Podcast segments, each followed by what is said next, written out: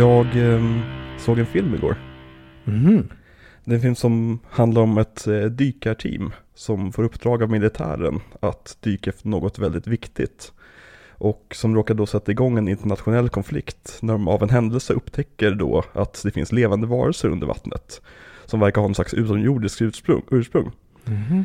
Eh, och samtidigt som det här kalla kriget ovanför ytan då eskalerar så måste då vår hjälte övertala de här undervattningarna att bryta sina planer att liksom dränka hela mänskligheten på grund av att vi liksom går synd mot varandra och är hemska mot varandra. Eh, Jag såg Black Panther 2 Jaha.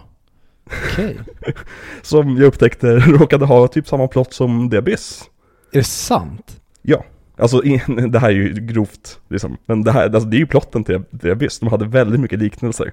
Eller likheter. Oj. Framförallt liksom i introt, eller introt, i början när det är väldigt mycket så här undervattensfotografi med personer som går i dräkter och grejer. Det var väldigt tematiskt.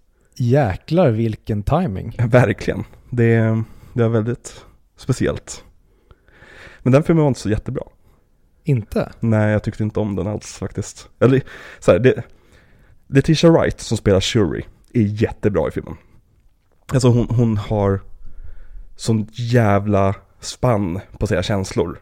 Och även liksom Angela Bassett tror hon heter, som spelar deras Mm. morsa. Men Letitia Wright, det är hon lilla smala Ja, precis. eh, som gör en operation på Vision i ja, i- Infinity War. Precis, hon Ah, Black. Panthers lilla syster då. Just det. Så det är väldigt mycket ur hennes perspektiv, liksom hennes sorg och allt sånt där. Eh, Men den här filmen har ett, alltså ett stort problem och det är att den är... Har den en skilsmässa? Om den har en skilsmässa? Ja. Black Panther 2? ja. Nej, vad menar du? Nej, för det har The Abyss. Jaha, Så jag jaha tänkte- menar så. Ja, ja. ja, nej, nej, det, det, det har inte Black Panther 2. Eller man, en slags skilsmässa från verkligheten skulle man kunna säga. Ehm, nej men så här, den här filmen har ju ett väldigt stort uppdrag och det är liksom att hantera sorgen efter Chadwick Bosemans död. Mm. Och då tycker jag, det tycker jag är helt fel tillvägagångssätt att jag ta sig an den här filmen på. Att liksom hantera sorgen bakom hans död. Alltså, desto längre in i filmen man kommer, desto mer inser man att de hade ingenting att göra efter att han dog. De visste inte vad de skulle göra. Och det här är ett havsverk om, om sorg. Liksom. Eh, och det är väldigt fint stundtals, men det är som, den tar sig själv på alldeles för stort allvar. Och det är liksom så här, nu, nej men, nej den här filmen ska vara två timmar 40 minuter, det ska knappt vara någon action i filmen. Det, vi måste ta vara på det här, det här är allvarliga saker. Så ja, det, jag blev väldigt, väldigt besviken. Mm, kan inte det vara ett problem med film idag att vi hela tiden måste... Film får inte vara film. Mm. Utan har någonting hänt så räcker det inte bara med att det står in memory of i Exakt. slutet. Utan nu ska vi faktiskt blanda in det här i filmen istället för att okej, nu finns inte vår huvudkaraktär längre. Mm. Hur kliver vi runt det här? Vi kliver inte runt det här.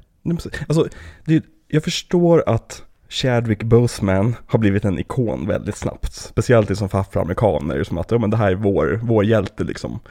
Men att hantera det som en superhjältefilm som att det var typ Nelson Mandela som dog. blir- det, det känns jättemärkligt att sitta där när, när vi liksom när vi alla vet att det var i verkligheten han dog. Och så var de tvungna att avrätta karaktär. Alltså, jag tycker verkligen att de borde ha recastat honom. Sagt liksom att Chadwick Bos- Boseman är, är liksom oersättningsbar. Han, han eh, är en ikon för miljontals människor runt världen. Men vi måste gå vidare. Det här är vår nya Black Panther. Nu gör de här halvlösningen istället som inte funkar alls. Men nu förutsätter jag bara att det inte existerar i den här filmen. Men Mm. hade det inte varit en bra plott då? Att filmen kanske handlar om att vi ska hitta den nya Black Panther. Mm. Ja, det, det handlar inte filmen alls om. Det blir en ny Black Panther till slut, spoiler alert, men det är liksom det, det, filmen handlar inte om det. Filmen handlar väldigt mycket om liksom att, gud vad ledsna alla är. Och i och med att alla går runt och är superledsna genom hela filmen så är det en så jävla tråkig film också. De går DC. Jo men det, det är, det är på DC-maner det mesta. Alltså, alltså sista, du vet Marvel-filmer brukar alltid sluta med att de har ju en credit sequence på slutet. Mm. Att det är liksom lite grafik och så kommer namnen och så är det liksom lite högt tempo. Och i Black Panther då var det ju hans dräkt som den zoomade runt och så var det en härlig hiphop-musik. Mm. I den här, den här eh, slutgrafik är liksom en kläder som brinner Jaha. på en eld. Och sen så får man se kläderna brinna lite mer och lite mer. Medan namnen kommer ut eh, upp. Eh, Och en väldigt långsam och tråkig låt av Rihanna spelas. Och sen så, sen så kommer en jättelång efterkreditsekvens som borde varit en del av filmen. Men det tänker jag inte gå in på var. Ja. Jag förstår. Så den får eh, tre av fem av mig. Det, det är ändå schysst. Jo men jag är ju svag för Marvel. Alltså, Mm. det, alltså jag får ju se, nu har jag inte nämnt en sån, men man får ju se Namor som är typ en av mina favorithjältar. Tyvärr suger den skådespelaren röv. jag tyckte han var rent utav usel i den här filmen. Vilket gör mig nervös för eh, framtida filmer, eventuellt. Tänk om vi får en framtid nu Mhm. där James Gunn gör DCU. Ja, vi har inte ens nämnt det i podden ju. Att James Gunn har tagit över DC. Ja. Eller DCs filmavdelning. Det får, eh, trots att jag inte är intresserad av det, Mm. så han har ju alltid för mig varit det mest intressanta med MCU. Mm. Och att han nu ska ratta över den här jävla begravningsbyrån som det har varit Mm. de senaste filmerna. Det får ju faktiskt att kittla i pungen på mig. Verkligen, bara tänk dig en James Gunn-producerad Superman-film. Ja men, James Gunn vet hur man har kul. Ja. Det är det, och, och han vet också hur man gör saker seriöst. Och han vet hur man balanserar de här sakerna. Mm. Och det känns inte som att James Gunn är en sån här person som om en film går dåligt ska sparka bakut som DC har gjort hela tiden. Nej. De, alltså DC har ju överkorrigerat själv konstant. Mm. Det är ju det som är deras stor, stora problem, att de har inget som helst självförtroende. Nej, det har de verkligen inte. Det är lite tragiskt att se. Verkligen. Ja, men, och det, det bevisas ju även på box office. Det är som att första Iron Man-filmen drog in lika mycket pengar som Batman vs Superman. Alltså den, den detaljen. Åk tillbaka till 90-talet och säg det till någon att det kommer komma en Batman vs Superman-film. Och den kommer vara ungefär lika populär som en Iron Man-film.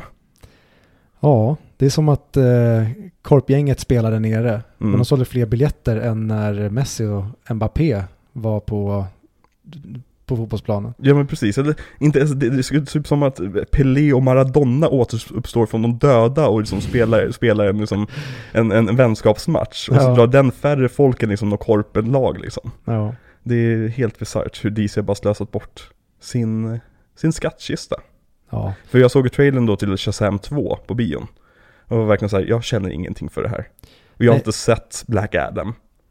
Nej, och då jag eh, såg någon eh, teaser eller någon teaser-trailer för eh, Shazam 2 Mm. och jag kände precis samma sak och då gillade jag ändå Mm. första Shazam. Den var härlig. Verkligen, den hade ett djup som jag inte förväntat mig av den. Nej, och den den hade kul. Mm. Punkt. Verkligen.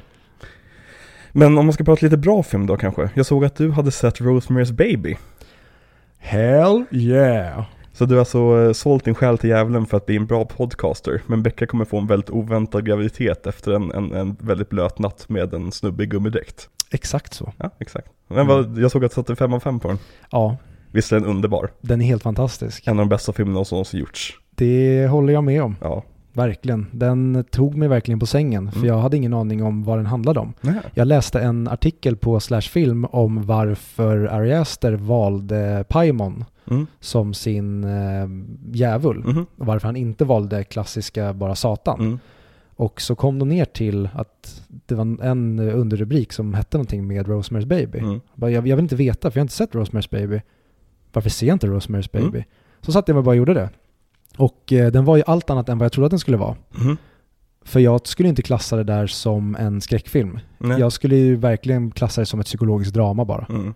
Och det är jag så väldigt, väldigt, väldigt glad att det var. Mm. För jag var rädd för att ska vi sitta här nu som på nålar och vi kanske går mot någonting övernaturligt men den hade precis den konflikten som jag hoppades efter en stund att den skulle ha. Ja. Och den verkligen tar sin tid. Mm. Den kastar inte saker i ansiktet på en. Den talar inte om för oss vad som stämmer och vad som Mm. inte stämmer utan vi hela tiden slungas mellan vad är det här som sker egentligen. Och slutet är ett av de mest underbara filmsluten jag någonsin har sett. Ja, det är right up your alley. Ja, det är verkligen det.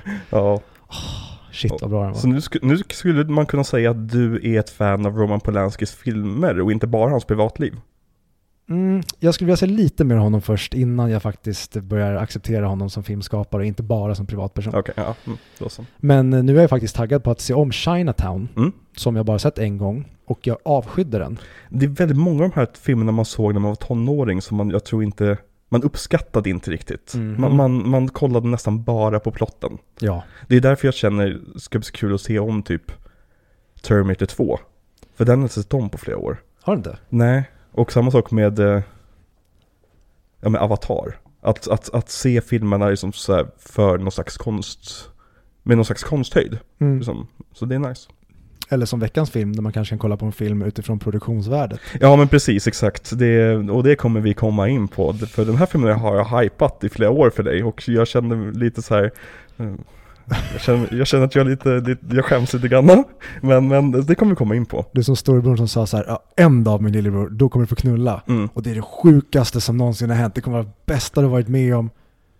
Och sen vet jag inte än om jag ska berätta vad jag tyckte om att Nej, ha sex. vi, vi, vi kommer till den. Men eh, jag såg också en Netflix-serie, Mhm. eh, The Watcher. Mm. Har du sett klart den? Jag har sett klart den och eh, jag kan rekommendera alla att eh, inte se den, vad ni än gör. Du var ju så positiv en bit in. Ja men, ja. Nej men så här, jag tyckte verkligen om grundmysteriet. Det handlar om ett par som flyttar in i ett hus och sen börjar få brev skickade till sig. Där någon creepy person skriver typ ett kärleksbrev till huset. Och även att de, liksom, den personen kollar på dem som bor i huset. Mm. Och så liksom utvecklas det mer, det blir mer och mer bisarrt och det ska tydligen vara baserat på en riktig story. Vilket är den här seriens stora negativa sak. Att man vet att det är baserat på riktig story. Visste du det eller? Det står på, Ah, eh, okej. på liksom titelkortet liksom där man sätter på. Jag vill aldrig veta sånt där. Nej. Jag vill få reda på det i så fall när serien är slut. Ja. Verkligen. Nej men för att det gör så att man helt plötsligt, helt plötsligt kan man tänka bort allt onaturligt och allt som är väldigt liksom konstigt. Mm. De börjar komma med teorier som, som ska vara liksom sanningen i avsnitt nummer två. Och då tänker man ju direkt att det här kan ju omöjligt vara sant. Mm. Och eftersom det är en based on true story så, så betyder det att den där personen då känner den där personen. Om det här är sanningen så är det ju uppenbarligen inte Alltså det finns mycket sånt som, som bara ramlar ihop. Och jag skulle, de sista två avsnitten är bedrövliga. Det blir en jätterörig eh, slutkläm på alltihopa. Där det känns lite grann så att de inte riktigt hade, hade all, allt på plats. Slutet i verkliga livet var inte så roligt liksom. Eh, Så det, den kan jag starkt eh, avråda folk från att se. Ja, Okej, ja, fan vad synd. Ja. Jag var lite småtaggad på att se den just på grund av eh, Bobby Cannavale och Naomi Watts. Ja men och de två är jättebra. Det, Mm. De två bär den här filmen, alltså de måste ju få liksom ersättning för ryggproblem. Eh, för de bär den på sina axlar. Liksom det är deras show rakt igenom. Och Richard Kind är kul också när han är med. Och, Mm. eh, Margot Martindale heter hon väl. Hon spelar Dewey Cocks morsa. Ja. Hon spelar en av, en av grannarna, eh, också helt underbar. ja, jag har sett den där eh, Netflix-introt bara Mm. där de tjafsar vid busken om när hon typ planterar eller någonting. Exakt. Men, serien var väldigt bra på att förmedla en stämning och en slags obehag. Men var inte så särskilt bra på att förklara varför det var på det sättet. Mm. De var bra på att göra det lätta i filmer. Ja, precis, exakt. Ja, Men jag vill bara sticka in Mm. till Rosemary's Baby. Mm. Jävlar vad Mia Farrow var lik eh, Gwyneth Paltrow mm. i den. Helt otroligt. Jag tänkte, oh jag skulle typ vilja se en remake gjord av David Fincher med Gwyneth Paltrow. Nu är hon kanske lite för gammal, men eh, det hade varit nice att se henne nästan, eh, vad heter det, deepfake. De gör en Mm. deepfake-version med henne, för de var väldigt, väldigt lika varandra. jag tänker mig nästan att det ska, de ska bara ta casten från eh, Talented Mr. Ripley. Att Jude Law spelar mannen, eh, Gwyneth Paltrow spelar eh, kvinnan, eh, Philip Seymour Hoffman får med och spela en av grannarna kanske. Eller så kan han vara eh, gubben, Mm. men an, nu kan inte han vara med överhuvudtaget, men om de skulle göra honom, då skulle de bara kunna de-agea honom, eller agea honom rättare Mm. sagt. Verkligen. Mm. Åh. Mm. För alla ni som inte har sett Rosemary's Baby Ja. och eh, dels älskar gammal film, Mm. för att den är ju gorgeous att titta på för att allting är, 68 va? ja, Mm.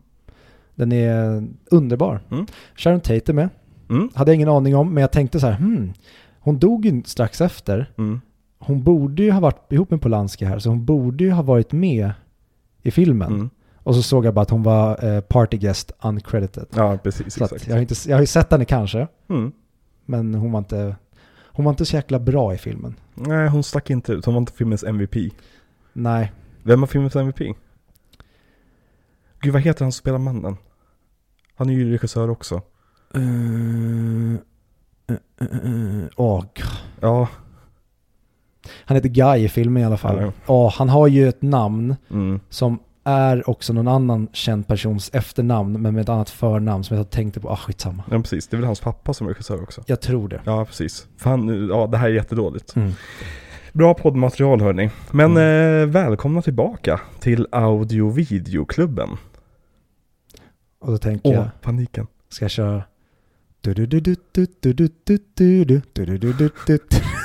Audio Video i klubben. Och då tänker jag, ska jag göra i och med att originalet är ju på Jamaican Nej, nej, nej, nej Viktor. Viktor, sluta. Audiovid, audiovid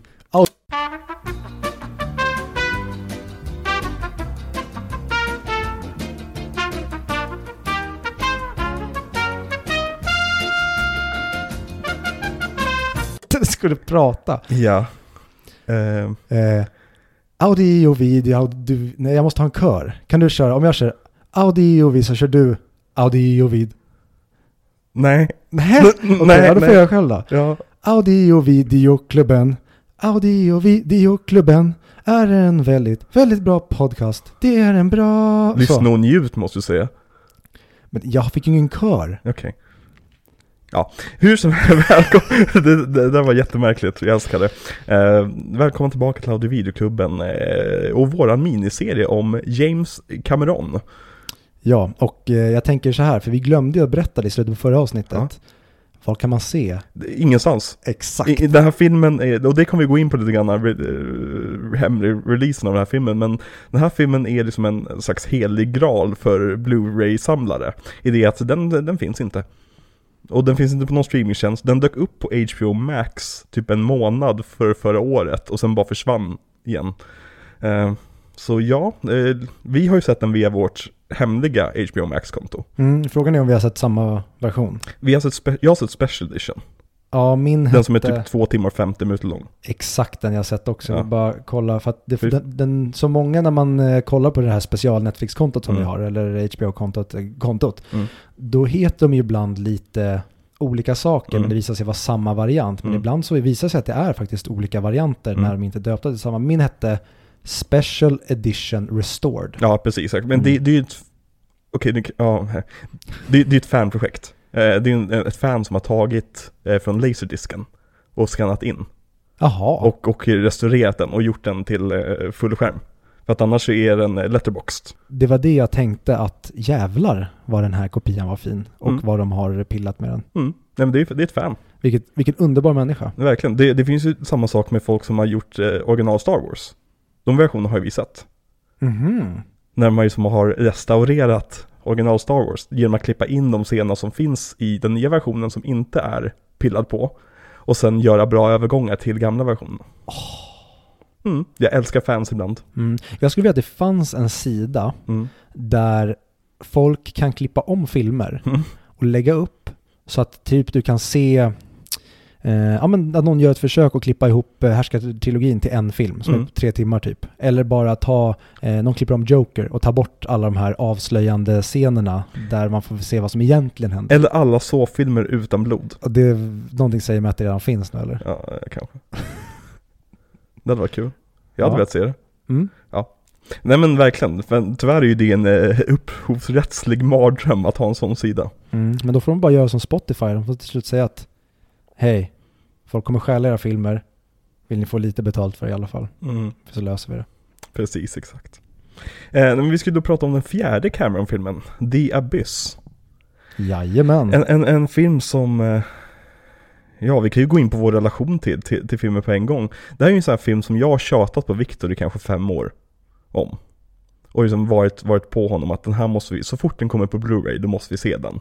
Och så var, varje gång det kommer någon ny nyhet om att, ja men nu, det går lite rykten om att Blu-ray kommer släppas. Då skickar jag det till Victor på en gång. Bara, Hej, du, den, den är på gång, den är på gång! För jag har varit så jävla taggad på att se den här filmen igen. I och med att jag bara sett den typ en gång. Och det var när jag var typ 13-14. Och det var på någon sjaskig DVD-rippkopia. Eh, och eftersom James Cameron är en av mina absolut favoritfilmskapare. Och jag hade så gott minne av den här filmen. Så blev det verkligen så här att den hägrade. Liksom, den fanns där borta. Liksom bara, "Nej, men kom till mig bara. Och så det är egentligen vår, min relation till filmen. Vad har du för relation till filmen? Jag har precis den andra delen bara av det du precis berättade. Ja. Jag har ingen relation till den här filmen. Och jag, ja den har dykt upp på listor genom åren när jag typ sett här, bästa typ Alien-filmerna. När så här, nu, vill jag, nu vill jag ha bra Alien-filmer som inte spårar ur tredje akten och man känner vad fan blev det här? Då har den dykt upp.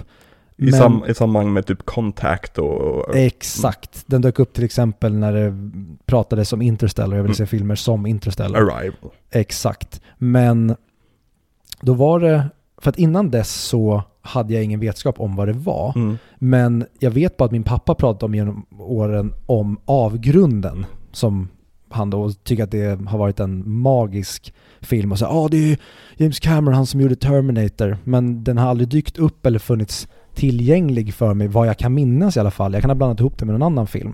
Men sen så har ju du börjat då med hypen från att den då har ryktats om att den ska Mm. komma på Blu-ray. För att vi, du och jag har pratat om att se den. Exakt. Men så har ju du sagt att den finns ju bara i DVD-RIP. Mm. Och man vill inte se, i alla fall på förhand, en Jam- James Cameron-film i dålig kvalitet. Nej men det är ju verkligen det. Och liksom, jag har ju inte hypat om hur bra filmen ska vara, utan snarare hypat om att vi måste se den. Mm. Men det blir ju också en lite grann att man får en förväntning i och med att man har pratat om den så mycket liksom. Det är omöjligt. Det, det, ja, exakt, exakt. För att det är, som, det är en film som jag, som jag mindes väldigt väl. Det är som att jag tyckte otroligt mycket om den när jag såg den när jag var, när jag var yngre. Och jag förstår fortfarande varför jag tyckte om den. Men man, vi kan ju säga lite grann att min, min, min åsikt om den här filmen har ändrats lite grann. Okej. Ska, ska, ska vi gå in på vad vi tycker om filmen på en gång? Jag, vet, jag, vet, jag vet inte riktigt var man ska placera det där. Eh, är det bra att riva av det från början? Så att lyssnarna får veta vad vi tycker eller ska Mm. vi bara prata oss igenom? För att vi kommer ju ändå avslöja ganska snabbt vad vi tycker. Ja men det, är bra att ha liksom konkretiserat direkt. ja, vi konkretiserar direkt, på så slipper man valsa runt också. Det är det jag tycker är lite irriterande. Ja men sure. Ja, så vad tyckte du om filmen? Nej, det här var inte bra. Nej, Tyvärr. ja. Den var jättetråkig. Jaha. Ja, och eh, jag brydde mig ingenting. Och jag Mm. förstod inte. Jag, flera gånger under filmen bara sa jag, vart är vi på väg? Mm, Och jag visste inte vad filmen, vill den berätt, prata om aliens? mm. Vill den prata om eh, en ubåt som de ska hitta? Eller är det kärnvapen ni vill prata om? Är det eh, dykarsjukan ni vill prata Mm. om? Är det eh, skilsmässan ni vill prata om? Och det kändes inte som att jag riktigt fick någon av berättelserna. Den här filmen har väldigt stora spår av blank check sjukan. Att Aliens blev så otroligt jävla stor. James Cameron fick liksom vatten på sin, på sin kvarn om att, ja men om folk säger nej till mig är det för att de har fel. För att alla hans val angående Aliens blev ju så pass bra ju. Och så ska han göra den här filmen och det märks att ingen har vågat säga nej till honom och någon som sa nej fick en utskällning och sen blev stoppad i vattentunnan i sex timmar liksom. Ja, men precis, och det är lite i den här situationen att hade det varit en vanlig filminspelning, Mm. Då kan man typ säga nej. Mm. Men i det här läget känns det mest som att så här, vi ska se till nu att ingen dör. Ja, ja men, och det kommer vi gå, gå in på med produktionen såklart. För det, det alltså produktionen Mm. och framförallt den här dokumentären eh, Under Pressure, Mm. The Making of the Abyss, kan jag verkligen rekommendera alla att se. Den är ju tio gånger mer intressant än själva filmen. Ja men för att det här är en film som är otroligt teknisk och otroligt imponerande tekniskt. Alltså att, att, att bara tänka hur de spelade in vissa scener är liksom, man sitter och och gapar. Men jag håller med dig, den här filmen har ingen riktning alls. Jag, nu, jag blev inte jätteuttråkad. Eh, jag tycker att jag tycker att filmen håller en rätt hög kvalitet fram till slutet. Där jag tycker att den havererar totalt. Um, men jag, jag blir aldrig riktigt uttråkad för jag tycker det är rätt mysigt att vara där. Alltså, James Cameron gillar ju stora kontrollrum med massvis av datorer liksom och tajta korridorer och han väldigt mycket som man sen återanvänder i Titanic. Till exempel när dörrarna stängs och man ser crewet drunkna in i rummet och så Ja. vidare. Jättehäftigt filmat vissa saker och det är det som räddar den här filmen. Att, man, att det är hela tiden som jävla hantverk på skärmen. Men överlag så måste jag säga att jag är väldigt besviken på min upplevelse. Ja, och det jag kan säga i hans försvar, om jag ska försöka vara hans försvarsadvokat på något sätt, så är det att hur i helvete ska du kunna sy ihop liksom ett, Ja. en, en, en toppfilm, alltså narrat, Mm. narrativt, när du har den här, alltså du, det är inte så att du gör det svårt för dig själv. Nej. Du gör det på förhand omöjligt för dig själv Ja. och måste uppfinna elden. Mm. Ja, och men, han lyckas ju uppfinna elden, Men du glömmer bort också att det här skulle inte bara vara att du får leka under vattnet i något Exakt. år, utan du skulle faktiskt göra en film här med ett, en början, en mitt och ett slut. För det märks väldigt tydligt vad det är James Cameron är intresserad av att filma i den här filmen och vad han inte är intresserad av att filma. För att vissa scener när han är ovanför vattnet är rent av fula. Mm. Alltså rent av liksom dåligt ljussatta, tråkigt, alltså för att inte tala om casten, det känns som att han inte bryr sig om casten alls. Och det här, just casten, Mm, har varit mitt problem med James Cameron. Jag kommer återkomma till det. mm. Han är ibland fantastisk på att casta framförallt stjärnorna. Ja, precis. Men backup-crewet Mm. är ofta så här, vad är det här? De är så ointressanta och så karis alltså, karismalösa ofta. Ja, för att jag blev rätt chockad över hur tråkiga jag tyckte alla, alla i crewet var i den här filmen. Alltså förutom Ed Harris och Michael Bean egentligen. Exakt. Alltså Ed Harris är Ed Harris. Ja. Så att han bär ju det, han bär sin, han bär Bud på sina axlar. Ja. Men han får ingenting att jobba med. Nej. Och det märker man ju på då uh, Mary Elizabeth uh, Mm. Montaputti Tutti Putti var hon nu, jag kommer inte ihåg vad hon heter Ja. efternamn. Eh, att hon klarar inte av att bära, hon, hon klarar inte av att eh, skapa saker ur tomma intet på Nej. det sättet som Ed Harris klarar av. Nej men Ed, han är ju en av, en av vår tids största skådespelare. Liksom. Mm. Och det finns en anledning. Och han är 38 i den här filmen, vilket ger mig ångest. Men det Men han föddes ju som gubbe. Han har inte åldrats på 30 år. Nej, nej men typ. Alltså han, ser ju, han är väldigt lik din pappa i den här filmen. Ja, eller hur? Ja, jag satt och tänkte på det när jag såg filmen. Vem är han lik? Och sen så idag när jag kollade på bilden, bara, ja det är, det är ju fan Viktor. Eller nej, eh, Fredrik. det är Victor. Ja men det är Viktor om några år. Ja, när du börjar det, tappa håret. det sa, um, när jag satt i min pappas kök förra veckan, Mhm. så kommer hans tjej in. Mm. Och hon stannar upp och bara "Åh!" ser förskräckt. Vad är det? Hon bara, jag trodde det var Fredrik som satt där. Mm. Bara, Och då blev hon såklart rädd för att Fredrik är en väldigt obehaglig person. Nej, hon blev kåt. För Och, att hon ligger med min pappa. Och jag bara, men lägg av nu, du är min styvmamma. Eller har jag sett för mycket porr? Eh, eh, vidare. oh stop stepmom. Oh no, I don't want this. What if my dad comes home? Yes. What if I come? Oh no, I didn't mean it that way. Oh stepmom, okej. Någon gång hade jag velat se, eller någon gång. Ehm, jag, vill, jag vet, vill inte om jag vet, vill, jag vet inte om jag vill veta vart den här meningen kommer att avslutas, men fortsätt. Ja men typ. Eh, men i alla fall, om vi ska prata lite grann om produktionen av, den här filmen. Ja. Så var det här ju en de, idén till den här filmen fick James Cameron när han var typ 17, har jag för mig. När han hade sett någon föreläsning i skolan Mm. eh, från en man som hade uppfunnit en teknik där man hade en vätska som man kunde andas. Men det återkommer vi till. Eh, men han såg också en National Geographic dokumentär då, när han var, alltså efter inspelningen av Aliens. Och det, det förstod jag direkt när jag såg hans undervattensscener. Att han har sett någonting med de här eh, liksom, eh, undervattensskeppen Mm. och tänkt, det här är sci-fi. Ja.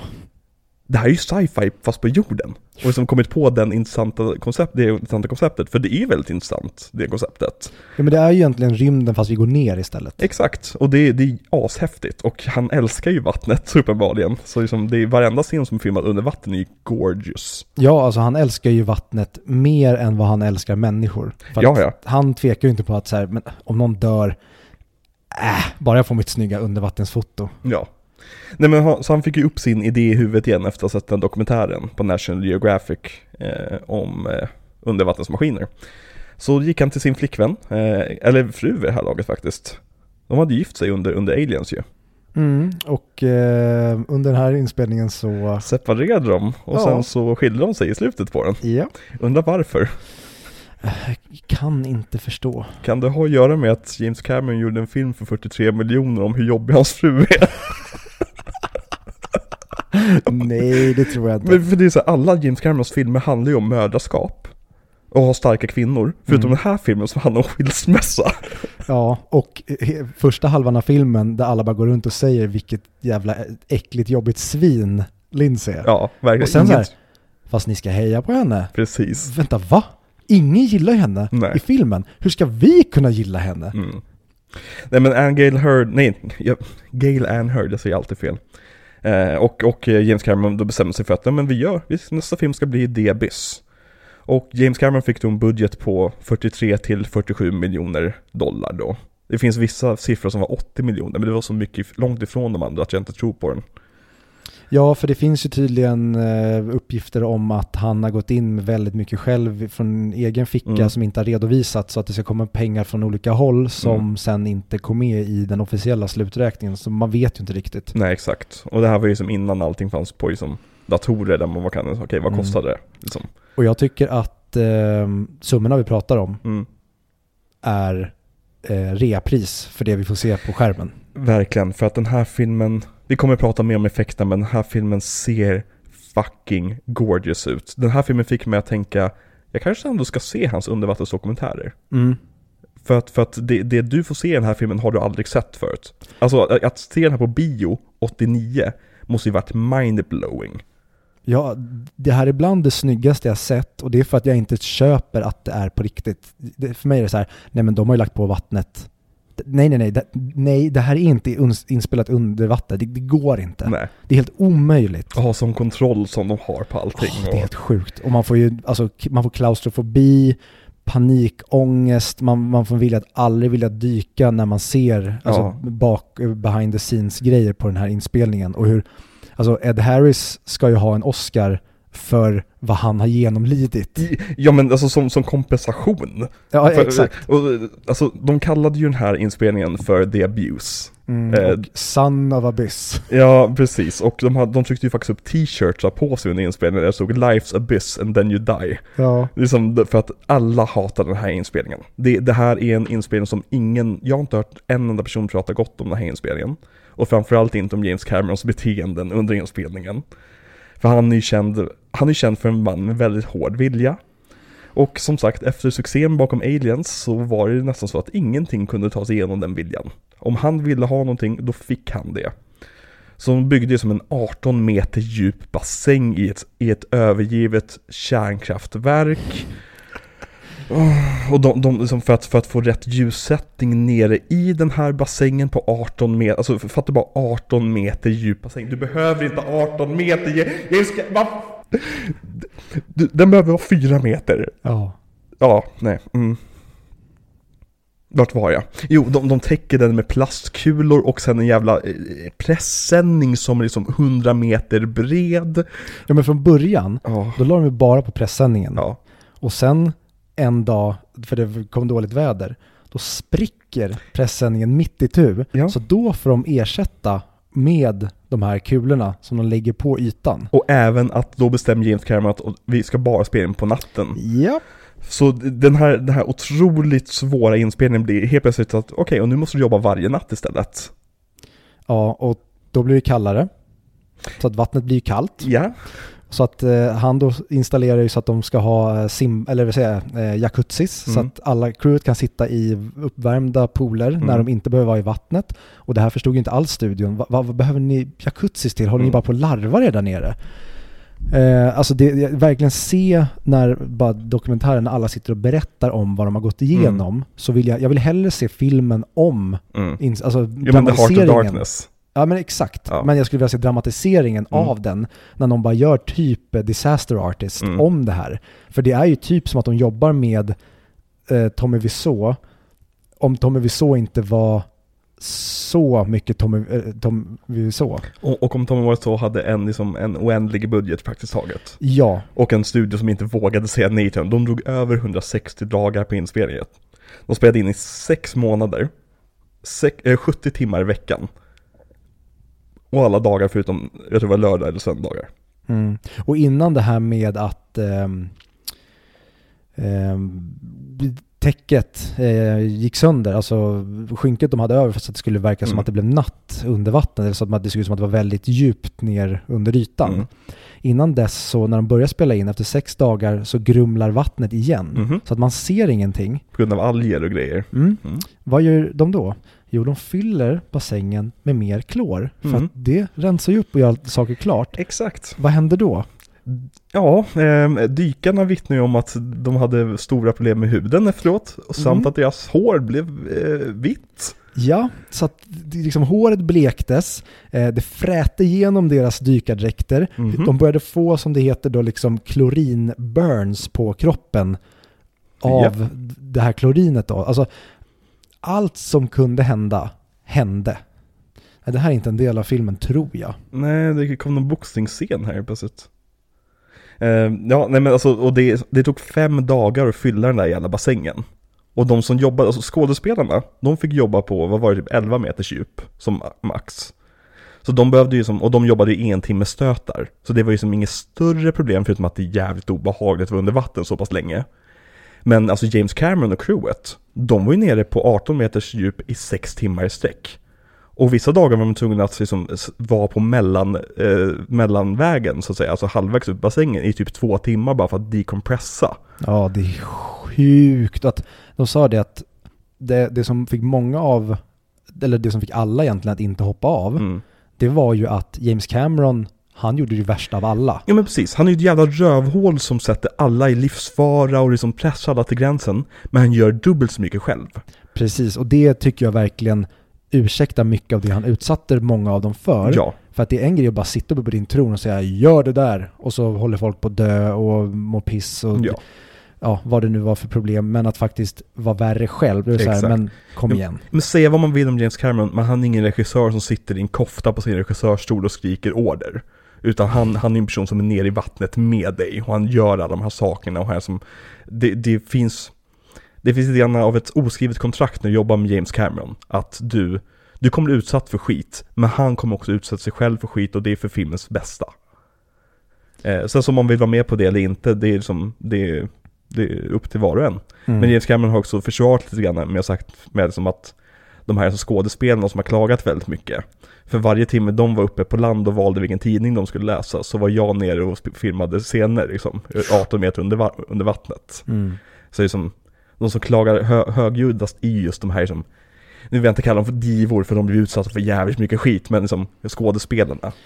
Ja, och typ en sån här film skulle ju alla skådespelare behöva utsättas för. För det här får nog många att bli väldigt ödmjuka för det de jobbar med vanligtvis. Ja. För det här är- var inte en filminspelning, det här var ju för att typ, det här är ju nästan som att de blir utsatta för en ayahuasca-tripp på liksom med tjack inblandat, att du, det här, du gör ju en rening av dig själv. Ja. Alltså Ed Harris var ju nära på att dö, Mm. att drunkna och han liksom bröt ihop i bilen på väg hem. Ja men Ed Harris som liksom ska vara en av Hollywoods hårdaste, hårdaste män liksom, han är ju de här karaktärerna han spelar på skärmen. Mm. Och han är liksom känd för att vara otroligt professionell och liksom så här, du måste verkligen förtjäna hans respekt, men han är superhård. Bryter ihop på vägen hem och tvingas stanna bilen för att sitta och störtböla liksom. Ja, och som han sa själv att han, han visste inte var han var psykiskt. Mm. För att dels så var han, han, det landade hos honom att han hade precis hållit på att drunkna, Mm. men han var också väldigt besviken på sig själv, att han inte hade klarat av att utföra det här. Mm. Och det säger så mycket om vad det är för snubbe att, vänta, du, du har blivit blivit mördad på en film här på grund av inkompetens, Mm. men du är arg för att du inte klarade av en uppgift som typ få människor någonsin har klarat av. Och det är som, man hör ju fortfarande stories om James Cameron. Alltså vi kommer ju prata om Titanic, Mm. där han jobbade med vatten igen tyvärr, för hans skådespelare. Och även nu un- under Avatar 2, där liksom Kate Winslet har ju gått ut och sagt att hon har ju hon har ju slagit någon slags, om jag får säga, någon världsrekord på att hålla andan längst under filminspelning och grejer. Mm. Liksom var tvungen att träna lungorna till att göra, kunna göra det i flera minuter. Och det är så här, alltså jag älskar James Cameron för det, men alltså man måste ju verkligen veta vad man beger sig in på. Ja, och det verkar ju han ha gjort på den här filmen också. Ja. Han verkar ju inte ha satt dem i...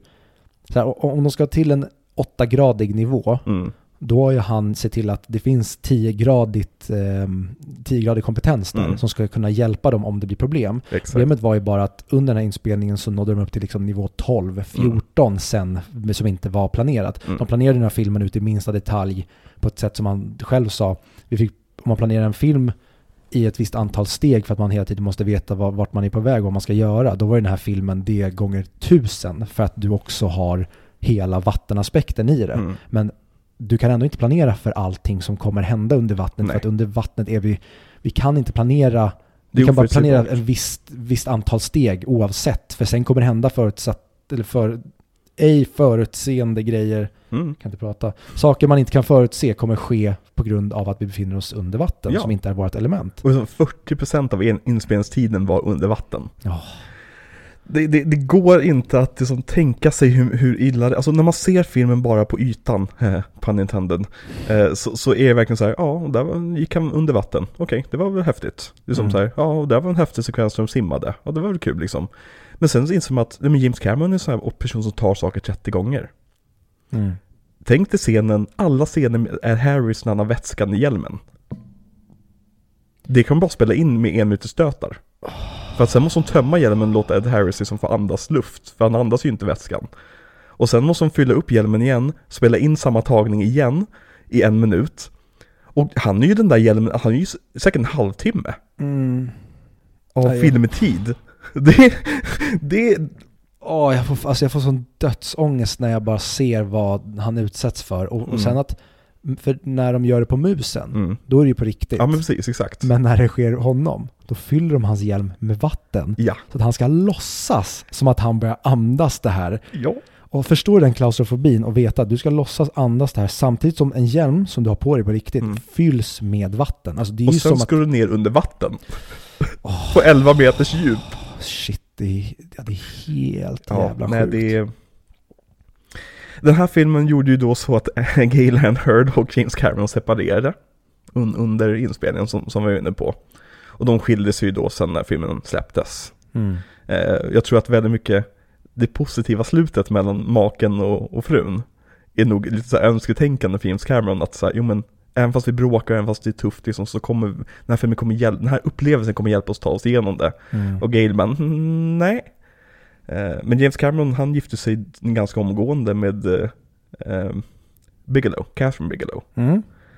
Och hjälpte till att producera Point Break, men det var ju några år senare. Men eh, Mm.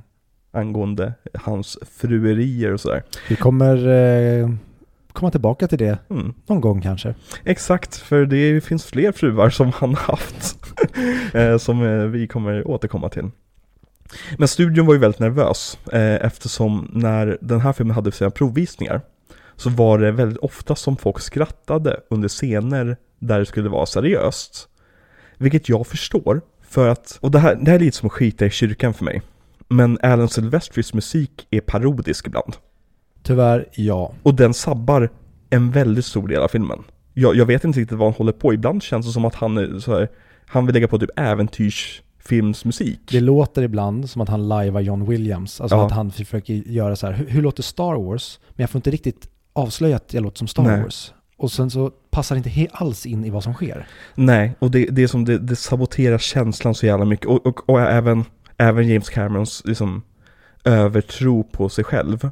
Det finns, scenen när, när hon, eh, nu minns jag inte Leslie, Lindsay. Lindsay, när hon är död. Mm. och eh, Ed Harris försöker återuppväcka henne.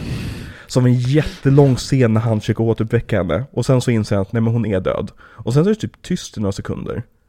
Och sen börjar han skrika och fortsätta igen. Och det är så här, den här scenen behövde inte del två. Nej. De, de hade kunnat slå ihop del ett och del två till en del. Eh, Mm. Men den scenen är väldigt intressant för att det är en av de här gångerna när, när någon i crewet faktiskt fick nog.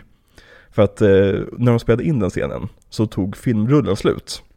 Precis när de har fått till det de har försökt få ut i typ, jag vet inte hur många tagningar som helst. Ja, precis. Och, och Ed Harris liksom, eh, liksom slår på henne. Hon, lig, eh, hon ligger där naken, blöt, iskall. Ed Harris ger henne örfil efter örfil efter örfil. Och sen så säger James Cameron bryt. Och så säger han också eh, filmrullen rullen tog slut här igenom, men jag tänkte att det var bra för att ni skulle få öva er på scenen. Eh, så vi kör den igen. Och hon bryter ju ihop hon, skådespelaren som vi kommer nämna hennes namn alldeles strax. Och skriker att 'We're not animals' och stormar ur. Så resten av scenen måste spelas om igen, fast bara med Ed Harris. Mm. Så han står ju som skriker mot luften. Vilket han levererar in i perfektion. Ja men Ed Harris är en jävla hjälte i den här filmen. Han är verkligen, han, han räddar ju livet på James Cameron. Ja. Jo men verkligen, hade han haft en, en mindre kompetent skådis i huvudrollen, det här, hade den här filmen kunnat bli en riktig flopp tror jag. Mhm.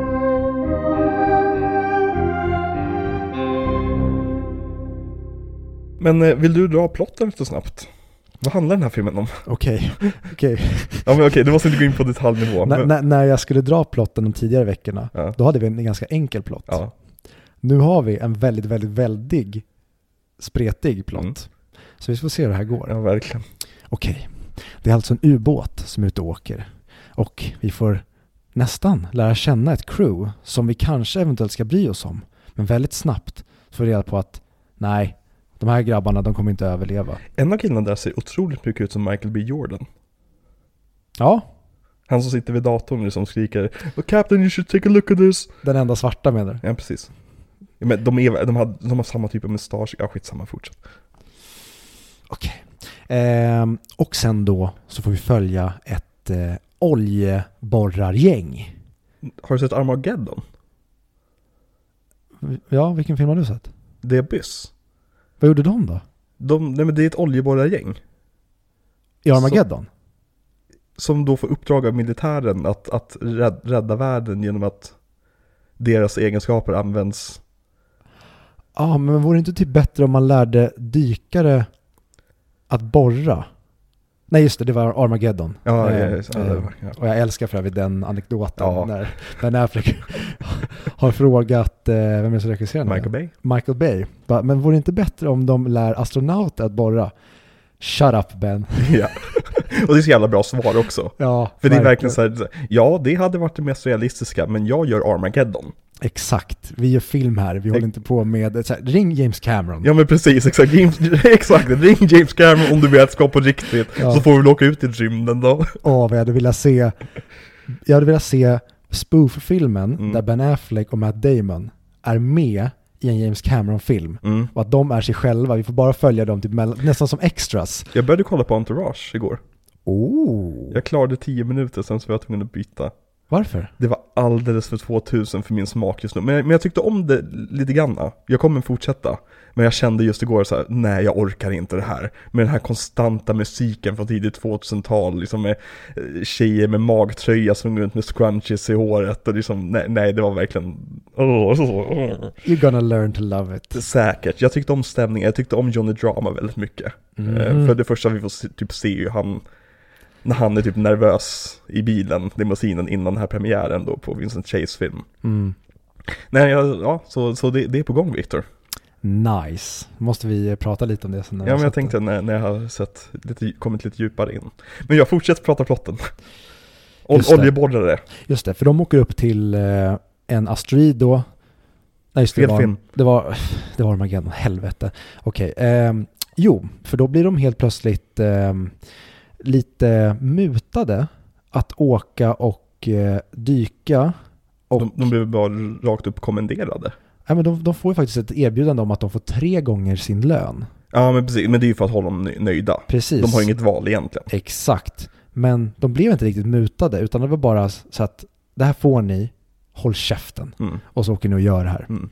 Och samtidigt så pågår det lite tjafs uppe i, på ett skepp bland alla cheferna som inte riktigt förstod först, de, kommer de här vara en del av berättelsen? Men det visade sig att de var inte en del av berättelsen. De dyker bara upp i början av filmen och sen i slutet av filmen. Ja, det finns alltså, ka- kalla kriget pågår ju fortfarande där uppe. Det, det är lite, lite trist för filmen att den här släpptes 89.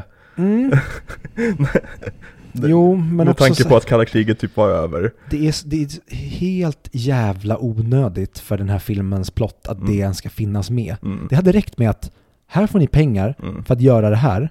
När ni är lite... Det är ju här den här filmen börjar fallera lite grann. När det kommer till James Camerons moral han vill förmedla. Mm. Det här med att liksom så här, krig är dåligt hörni. Kärnvapen är dåligt hörni. Nu, eh, vi, vi måste vara snälla mot varandra. Ja, och vi kommer komma till slutet sen men... Ja, eh, jag- vem vet om vi kommer komma till slutet Ja, i den här takten. Det är fan sant. Eh, nej, så att eh, det, det skickas nog ner, eller skickas ner ett gäng eh, specialister Mm. Till den här oljeriggen då, där Bud och hans gäng och hans väldigt jobbiga fru som alla verkar hata Mhm. eh, hänger. Eller rätt- rättare sagt, hon kommer ner, för hon hänger inte där från början. Nej. Hon kommer ner och säger att det här är mitt skepp. Hon Så- har jobbat där sedan tidigare misstänker Ja, jag, någon så- slags chef. Men det här är inte ditt skepp. Jag designade det. Mm.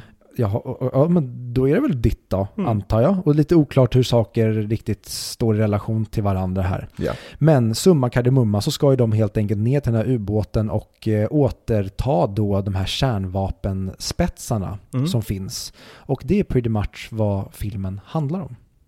ja, Men sen ska vi ut på äventyr tydligen. ja. Och eh, vi får... Eh, Det händer en sak. det händer en sak nere i ubåten. Ja, en av, en av, en av eh, besättningsmännen, besättningstilltag, Mm. vad säger man, besättningen, en ur besättningen, eh, får eh, besök av, av ett ljus. Mm. Och eh, han hamnar sen i koma. Mm. Sen skiter vi i det här ljuset i typ en och en halv timme. Mm. Men sen måste vi komma tillbaka till det här ljuset. Så vi gör det. Ja. Och sen kanske vi struntar i det igen en stund. Men sen måste vi avsluta filmen med det här ljuset igen. Mm. Så du får inte så jäkla mycket ljus. För det som visar sig är att anledningen varför ubåten kraschade i början är på grund av att det finns utomjordingar där nere. Ja. Och de har varit där väldigt länge. Och eh, ja, militären är väldigt intresserad av att njuka dem för de får typ cabin fever. Och det är en storm som gör så att de, de eh, kopplas bort från plattformen ovanför marken. Eh, och, och sen så ska de åka iväg och försöka spränga utomjordingarna men, men crewet på oljeplattformen, eller, nu säger vi bara oljeplattform, jag vet inte vad de gör där nere. Men vi säger oljeplattform bara för det är lättare. Mm. Eh, oljeplattformen, de ska jaga efter militären då som har tagit eh, atombomben de hämtade från ubåten i början av filmen. Och den här ubåten ska då åka med, ja, den lilla ubåten ska åka med atombomben ner till aliensen för att eh, Michael Beans karaktär har blivit helt koko i huvudet och skär sig själv i armen som en 14-årig tjej som lyssnar på Kent. Eh, och han åker då iväg med atombomben och de åker efter honom med atombomben och lyckas stoppa hans skepp. Men atombomben faller ner nedanför ett stup ner mot aliensarna. Och då så, i den ubåten som de följde efter Michael, Michael Bean med, den, den blir då fylld av vatten och på något sätt, jag minns inte exakt hur, men på något sätt så lyckas Ed Harris ta sig in i den ubåten som hans fru är med i och den fylls med vatten, de måste ta sig tillbaka till, till, till oljeplattformen men så visar det sig att de har bara liksom en dräkt för en person så hon måste dr- dränka sig själv så att han kan ta tillbaka hennes lik. Men eftersom det är så kallt i vattnet så kommer hennes blod att frysa och hon kommer därmed överleva. Och så han, han tar sig då på sig dräkten, tar med sin fru tillbaka till plattformen där hon jobbar och återupplivar henne efter en väldigt lång sekvens där han sitter och skriker på henne. Och sen så helt plötsligt klipper vi till att Ed Harris ska sätta på specialdesignad dräkt då som har då en Mm. vätska Va? Eh, eh, nej, jag har hängt med på allt. Eh, Ja nej, jag, jag, har- jag har bara kommit till, till, det är en timme kvar filmen ungefär. just det. Eh, ja, du kan fortsätta sova. Ja. Eh, han sätter då på sig den här dräkten som har en, då en specialgjord vätska i sig som har då syre i sig. Eh, och den här vätskan kan man då andas för att eh, logiken är ju då att vi andades vätska när vi låg i livmodern men inte, vi, så vi kan ju göra det igen. Man behöver bara justera sig lite grann. Och då får han på sig den här dräkten och han eh, slänger sig ner för ett stup då under vattnet med hjälp av olika tyngder och han har, har en, en, en, en liten eh, typ ett, ett tangentbord som man kan skriva till, tillbaka till, till, till dem på oljeplattformen. Um, så han då åker ner då för att rädda, jag vet inte varför, atombomben kommer ju inte sprängas av sig själv. Varför ska han rädda, eller desarmera atombomben? Skitsamma, vem bryr sig? Han åker då ner till den här atombomben under marken och uh, under resan ner till atombomben så tappar han kontakten från, från oljeplattformen. Men sen kommer kontakten tillbaka, jag ville bara nämna det. Ehm, och han skriver semikolon, vilket gör mig, vem fan designade tangentbordet med ett semikolon? Ja. Eh, men det är en annan femma. Han kommer då ner till den här atombomben och lyckas desarmera den. Och när han sitter, och sen säger han till sin fru då att liksom så här, men jag visste att det här var en one way trip, för han är den enda som gjort den uträkningen tydligen.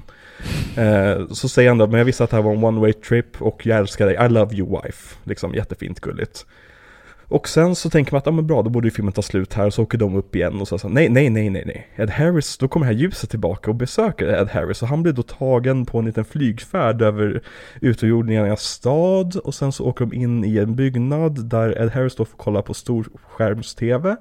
eh, Med de olika konflikterna ovanför jorden, vi får se lite bilder från förintelsen och liksom slaveriet och ja, alla de här hemska sakerna vi gör mot varandra och aliensarna egentligen försöker antyda att vi kommer döda er om inte ni slutar med det här. Eh, och så sätter de stora vågor eh, vid varje stor stad i världen och ska dränka hela världen.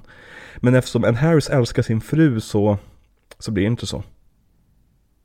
Nej, men du glömde ju också berätta att Ja. eh, aliensen, de har ju faktiskt också tangentbord. Har de? Ja, de skriver ju också. Så att de skriver ju faktiskt meningar till honom. Så att de förklarar vad... Ja, okej, men det får vi inte se i filmen. Jo. Det Vadå? kommer ju upp på storbildsskärmen. Kommer det upp meningar? Nej, det är hans egna meningar ju. Är det? Ja. Jaha. Ja, ja. Nej, de kommer säga bara med blinkningar och, och videoformat. Jaha. Lite grann som den här podden. Är du säker? För jag, Ja. jag vill minnas att han tittar och läser vad de skriver. Nej, nej, han, han- han, gör bara den här Oh, so you mean that you bla bla bla bla bla bla bla liksom. Aha. Och sen förklarar han det för, för sin crew när han är på väg upp igen då. För han överlever ju då hela det här och sen så åker med rymdskeppet upp till ytan och sen så filmen slut. Vid en jättefull green screen. Jajamän. Som ni märker så är plotten i den här filmen väldigt plottrig. Det, den har väldigt mycket den vill säga och väldigt mycket den vill göra. Och för det mesta är det så att alltså, jag har ingenting större emot plotten förutom slutet. Jag tycker bara det är så otroligt lökigt och cheesy. Och den borde bara tagit slut när han ser ljuset komma mot sig. Ja, verkligen. Och sen så, om du vill få ett happy slut så kan det vara att han dyker upp sen på plattformen. Det hade varit jävligt nice Mm. om de gör en, eh, nu vill jag inte ge Dark Knight Rises cred för det, men de hade gjort en Dark Knight Rises att hon befinner sig på en plats sen. Och hon tittar upp och ser honom, eller bara man titt, hon tittar upp och ser Eller, att det är någonting som får henne att le. eller det här. Det är typ dagen efter det här har hänt. Hon sitter inne på sitt kontor inne på plattformen. Och så ser hon att hans ring ligger där. Men det hade ju inte sagt henne någonting. Jo, för det betyder att aliensen på något sätt har skickat upp det här kärleksbeviset till henne. Jaha, det, vis, men vet hon om då att han hade på sig den när han stack? Han har alltid den på sig. De, de skulle kunna göra, lägga till en till scen, typ såhär 'You never take it off anymore' eller någonting. ja, Det är för för jävligt, jävligt snygg scen när han sätter ringen för dörren. det är skitsnyggt. Och det är mycket sånt som gör så att jag, jag, kan inte, jag kan inte tycka illa om den här filmen. Nej, alltså den, den, den här filmen höjs ett betyg om du ser Under Pressure innan. Mm. För då kommer du få en sån enorm respekt för allt de utför. Exakt. Men att bara se den här filmen i ett vakuum för, som en film så är den stundtals outhärdlig förutom att den är gorgeous att titta på. Men rent handlingsmässigt så är det så här eh, kan ni snabbspola hur de rör sig i vattnet? För det går så jävla långsamt varje gång och jag vet inte varför det går långsamt. Jag, jag vet inte vem som är vem längre. Det enda, just det, Michael Bean har mustasch. Mm. Det är så jag känner igen honom. Men de andra, vad hade de för relationer? Jag vet, jag bryr mig inte. Nej. Men alltså, bara, tänk hur ful den här sekvensen som som vi kollar på just nu hade varit i, verkliga, i, i modern tid. Ja. Med all CGI. Och bara, bara den här, ta den här porrtidningen som snurrade omkring där. Hela många gånger har man, måste man inte liksom, göra den scenen för att porrtidningen ska snurra precis så att man ser att det är en porrtidning. Mm. Det är jätte, jag tycker det är jätte här, alltså undervattensfotot är verkligen det som säljer den här filmen rakt igenom. Ja, för det, det borde inte ha varit en spelfilm det här. Det borde Nej. i så, fall va- i så fall ha varit typ en metafilm. Mm. Att de nästan, Alltså ska sitta och meta hela filmen. ja och sen ibland så går de ner under vattnet och så får James Cameron använda sina ubåtar. Mm. Men ofta så är det bara att två personer sitter på en brygga och metar. Yes. Och så tar James Cameron typ 300 miljoner och bara stoppar i fickan. Exakt. Men eh, ska vi prata oss igenom castlistan? Det kan vi göra. Ja, vi kan börja med Ed Harris. Eh, innan vi gör det så vill jag bara dra den parallellen för jag sa det att jag, jag tycker verkligen se den här filmen Mm. men se Under Pressure-dokumentären innan. Ja, just det. För då kommer den här filmen få ett helt annat tittningsvärde. Exakt. Precis som man ska göra med Hearts of Darkness. Mm. Se Hearts of Darkness innan du ser Apocalypse Now. För då kommer filmen få ett helt annat värde. Sen tycker jag Apocalypse Now är en jättebra film på egna ben. Mm. Men den höjs ett par snäpp på grund för att Hearts of Darkness är typ den bästa dokumentären som har gjorts. För den blir också så här, hur fan i helvete fick ni ihop den här Mm. filmen? För de har typ samma förutsättningar fast i en helt annan miljö som Mm. de har i The Abyss här. Jag fick lite, lite liknande tanke som du fick. Att man ska se filmen, så ska man läsa på om filmen och sen ska man se den igen. Det är kanske lite mer ti- tidskrävande. Ja, och, och så här, hade, jag, jag hade ju inte gjort så utan vetskap. Då hade jag gjort som du säger nu. Mm. Men med facit i hand Mm, så skulle ja. jag göra, skippa första titeln, se dokumentären och sen se filmen. Ja. För att annars kommer det hålla på i många dagar. Exakt. Ja. Den versionen som vi har sett är ju två timmar och 50 minuter. ja. Och den här versionen fick mig verkligen att tänka att jag hade nog hellre vilja se två timmar och 20 minuters versionen. Precis. Och vad jag har hört så har de inte klippt bort så mycket liksom av plotten heller. Utan det är bara längre tagningar av allting. Mm. Lite fler scener, en, en grej på slutet med vågorna. Liksom det är tillagt. Men ja, Ja, och jag vet inte fan vad jag tycker om det. nej. Det, de, de, det är en grej om de hade integrerat eh, rymdvarelserna mycket bättre Mm. i filmen. Men de kommer verkligen, varje gång de dyker upp så är det som att man har glömt bort dem. Ja just det, ni var ju med också. Mm. För att när de kommer första gången då, då kände jag att oh, det här kommer bli skitspännande. Kommer, kommer det vara nu så att de inte tror på Lindsay och tror att Mm. hon blir galen? Och kanske Michael Bean tar Och i och med att kontroll. de redan tyck, tycker illa om henne också. Precis, hon Mm. verk, de verkligen kan göras till skurken här. Men nej, vi glömmer snabbt bort det. Och sen kommer den tillbaka utan att någon egentligen har frågasett henne mer än en stund efter Mm. hon har påstått det här. Och sen får alla se att de var på riktigt. Så att det, det finns ingen du egentligen ska överraska på slutet när Bud blir räddad av dem. Ja. Det, det är verkligen som att ja, men alla vet att det här finns. Ja, de räddar dig. Fan vad schysst. Mm. Ja men precis, Okej. det, det, känns, det känns oproblematiskt på något sätt. Mm. Jag tycker att det borde varit lite mer problematiskt med aliensarna. Och inte Mm. bara liksom att, jaha men ni älskar varandra där uppe också. Ni, ni har inte bara förintelsen på repeat. Liksom, jag, ja det känns märkligt. Det är som att aliensen är en jättearg ung neckbeard-snubbe nere i Mm. sin källare som hatar världen. Så Precis. ska han precis gå upp och skjuta en skola. Mm. Och så kommer typ hans lillebror ner Mm. och säger så här Jag är kär i en tjej i min klass. Mm. Och då bara Äh, jag skiter i att skjuta upp skolan idag. Ja, Ni, ni kör på ni. verkligen. Och den här lillebrorsan, han spelas ju då av Ed Harris. Ja. Nej men Ed Ed Harris är ju huvudkaraktären i den här filmen. Han spelar, Ja. spelar Bud. Och som jag sa, liksom, han är ju känd för att vara jävligt bråkig att jobba med men levererar varje jävla gång liksom. Mm. Jo men han, han är inte bråkig för bråk, han är ingen Nej. diva. Han har bara väldigt starka tank, eh, åsikter om vad som blir bra. Ja, precis, exakt. Och han behöver liksom veta att folk tar sitt skådespeleri på allvar. Mm. För han är väldigt method. Han gillar ju att gå in i scener, liksom, gå in i karaktärer. Eh, men har du någon så här favorit, favorit Ed Harris performance? Någonstans? Ja, nu var det många år sedan jag såg den, men jag tycker Mm. väldigt mycket om honom i ehm, A Beautiful Mind. Mm, mm, Där är han kanon. verkligen. Sen tyckte jag om, för att det kändes nästan som att jag hade glömt bort Ed Harris ett tag och sen kom han på tapeten igen med Westworld. Mm. Det var väldigt kul att se honom i en sån roll. Han är För- jättebra i Westworld tycker Jag, jag. jag, det här kan jag minnas helt fel, men jag fick känslan av ett tag där innan att han började bli lite en B-skådis. Han fick inte längre vara med i de tyngsta filmerna. Spelade inte han McCain i eh, den här HBO-filmen? Recount? Nej, Game Change. Den om Sarah Palin. Det låter bekant. Ja, eller hur? Visst gjorde Mm. han? Eh, Men ja, men han, han var ju lite sånt ett tag. Det har Mm. du helt rätt i. Men History of Violence, det var ju den filmen man upptäckte honom med, känns som. Eller i alla fall jag. Ja, jag vet inte fan vilken film som var den första. För den såg vi ju på grund av att Viggo var med. Alltså jag har inget minne av att jag såg den då. Ja, Men det kanske vi gjorde. ja jag är helt hundra på För det. enda minnet jag har av History of Violence, det var när jag såg massa Cronenberg-filmer senare. Men då kanske jag bara Just det, blandade ihop den. Cronenberg. Ja, när ehm, han hade med Viggo i alla sina filmer ett tag. Eller det har han ju fortfarande. Jag har fortfarande sett Eastern Promises. Den minns jag som svinbra. Ja. Men den blandar jag typ ihop med History of Violence. ja, men precis. De två är ju syskonfilmer liksom. Mm, Handlar mycket om ryska maffian och så vidare. mm. Mm. Men, nej, men eh, jag, jag tycker att det här- det här är nog Ed Harris bästa roll jag sett honom i. Eh, För jag tycker han är jättebra i den här filmen. Eh, Tyvärr så, vissa saker är kanske inte så bra skrivet för honom. Till exempel när han ska skrika no någon gång. När det var väldigt, kom från ingenstans. Man sa, vänta vad, vad är det här för något?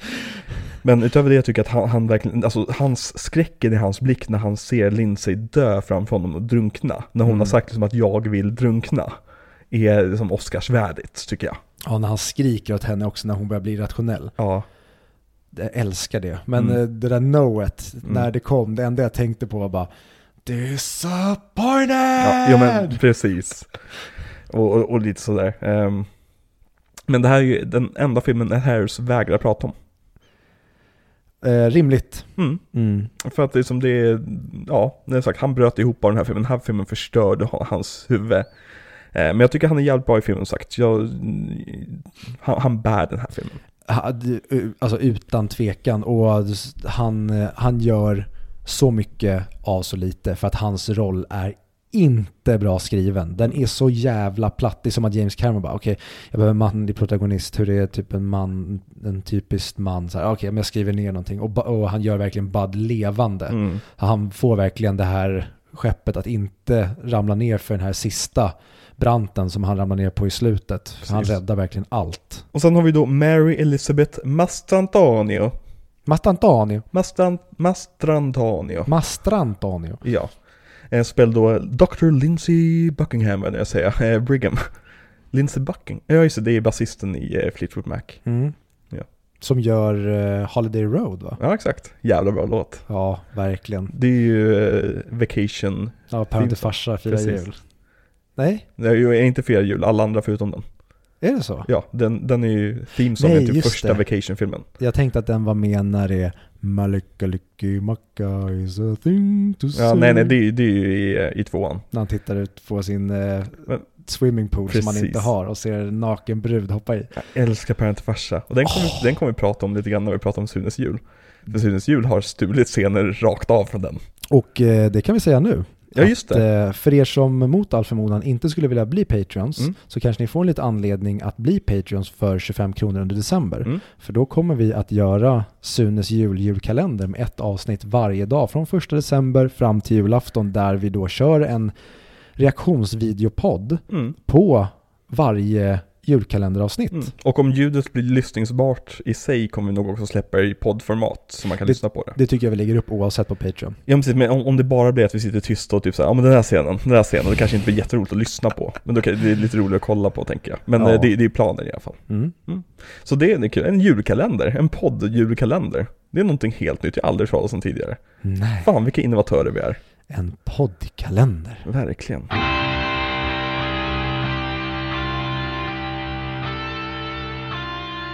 Eh, vart var vi? Lindsey Buckingham, just det. Just det. Eh, låten till Christmas Vacation. Så Mm. han satt och tänkte på det som hur går den? Den här det, det, det, the Christmas Vacation. Så går den. Mhm. Ja, så det är så. Eh, men Lindsey Buckingham då, eh, spelad av Mary Elizabeth Mars, Ma, Mastantonio. Pasta. Pasta di pizza. Mary Elizabeth Pasta heter hon. Mary Elizabeth Winston. Winstead? Winstead. Ja. Instead of Mastantonio. Eh, Jag har för övrigt, nu eh, är vi all over the place här, men jag har för övrigt eh, syndat. Men hade inget annat att kolla på. Så. Och jag har sett de två första avsnitten av White Lotus säsong 2. Ja, nice. Jag tyckte inte om det alls. Oj! Ja. Älskade det! Gjorde det? Ja, Jag, jag tyckte det kändes så fattigt jämfört med första säsongen. och jävlar. Ja, men det kanske blir bättre för Mm. mig. Eh, Jag, jag vet inte, det limmade inte. Jag, jag... eh, Nej, det var ingenting där som riktigt så här fick mig att bli intresserad av att fortsätta kolla. Mhm. Ja, det enda som jag inte gillade, Ja, det är Tanja. vem var det? Alltså Stiflers mom. Ja, ja hon känns ju Coolidge. överflödig. Ja men hon var det jobbigaste i första säsongen. Mm. Och nu är hon tillbaka och ännu jobbigare. Mm. Så här, gör er av med henne. Hon, hon, var, hon var one trick pony som funkade en säsong. Jag tror att det är hon som kommer dö. Åh, ja. Mm. Jättegärna tack. Ja. Ja, ja, ja. Men eh, Mary Elizabeth Mastrantonio, hon blev ju då Oscarsnominerad för sin roll i The Color of Money. Mm. Har du sett den? Nej. Det är ju Tompa. Ja, den eh, har jag ju hört ska vara svinbra. Mm. Men det är många av Tompas svinbra roller från liksom 80 och 90-tal Mm. som inte har landat på min tallrik än, men som jag verkligen vill se. Har du sett Born on the 4th of July? Nope. Den är jättebra. Nice. Det är väl Oliver Stone va? Det vet inte jag. Det känns som det. Cocktail Cocktail. vill jag verkligen se. Eh, risky Business har vi sett. Eh, ja, någon, jag såg den för att de pratade om den i OC. eh, OC precis. Men jag tror jag bara, jag kan ha typ sett den med någon tjej i tonåren och typ man slutade kolla för att man Ja. ville porka eller någonting. Det är den filmen som handlar om att Tom Cruise blir pimp. Jaha. Då har jag nog inte sett klart den. Okej, ja för att, ja, nej, nej det, det är bokstavligen det det handlar om typ. Ehm, nej men Mary Elizabeth Mastrantonio, hon spelar ju också Marion i eh, Prince of Thieves. Den här Kevin Costner-filmen. Robin just det. Hood-filmen. Och då tänker jag alltid, när jag tänker på den tänker jag alltid på eh, Al Brooks, nej inte Al Brooks, Mel Brooks. Eh, Robin Hood-film, Män i trikåer. Ja. Eh, ja, För jävla rolig. för jävla roligt. Alltså hans filmer är så otroligt larviga och bra. Men han är så duktig. Det är lite som Always Sunny in Philadelphia. Mm. Det är Alltså du är verkligen ute och tippar på över på att Mm. nu kommer du ramla ner för löjligstupet. Men Ja. de gör aldrig, de bara balanserar helt perfekt. Eller så bara, i vissa scen slänger de sig ut från det stupet och liksom inser att man, vänta, vänta, stupet, det fanns ett till stup där nere som man kan nå. Ja, Liksom, men då har de liksom, vad säger man, då, då är de fortfarande kvar Ja. där uppe men de har kastat ner grejer Ja. så de kan komma tillbaka från det. Och, och man fattar inte hur de puller off för det nej. här ska inte funka. Det Nej. är för barnsligt, det är för larvigt. Det är som Blazing Saddles och Star, vad är det? Starballs, vad heter den? Spaceballs. Baseballs, exakt. Starballs. eh, men vad tycker du om Mary Elizabeth Mastrantonio i den här filmen? In, inte mycket till karisma alltså. Jag förstår så här, ja hon är en jättevacker kvinna som kommer från en väldigt hyllad roll där hon Mm. nästan har fått en Oscar. Perfekt att ta med, men nej. Nej. Alltså det är Ellen Ripley springer light. runt den här kvinnan. Ja, nej, men alltså det, det här är, den här karaktären är Ellen Rip- Ripley fast urvattnat. Ja fast typ som att hon inte bryr sig. Nej, jag tyckte, jag tyckte hon var jättetråkig i den här filmen faktiskt. Eh, tyvärr. Eh. För jag, jag ville tycka om henne. Jag kände Eh, aldrig att jag ville att de såhär, åh ni måste bli ihop. Nej, men Så här, precis. Du är asskön, du kan hitta en ny fru. Exakt, eller en ny man. Hon kan också, alltså jag tyckte inte de passade ihop heller. heller liksom. Eh, men hon har ju också sagt, skådespelaren Mastrantonio, eh, att the abyss was a lot of things. Fun to make was not one of them. eh, och hon har ju talat mycket om liksom, sin, sin psykiska smärta efteråt. Rimligt. Ja, verkligen rimligt. Eh, och karaktären är ju baserad, till ingens förvåning, på Gail Ann Hurd.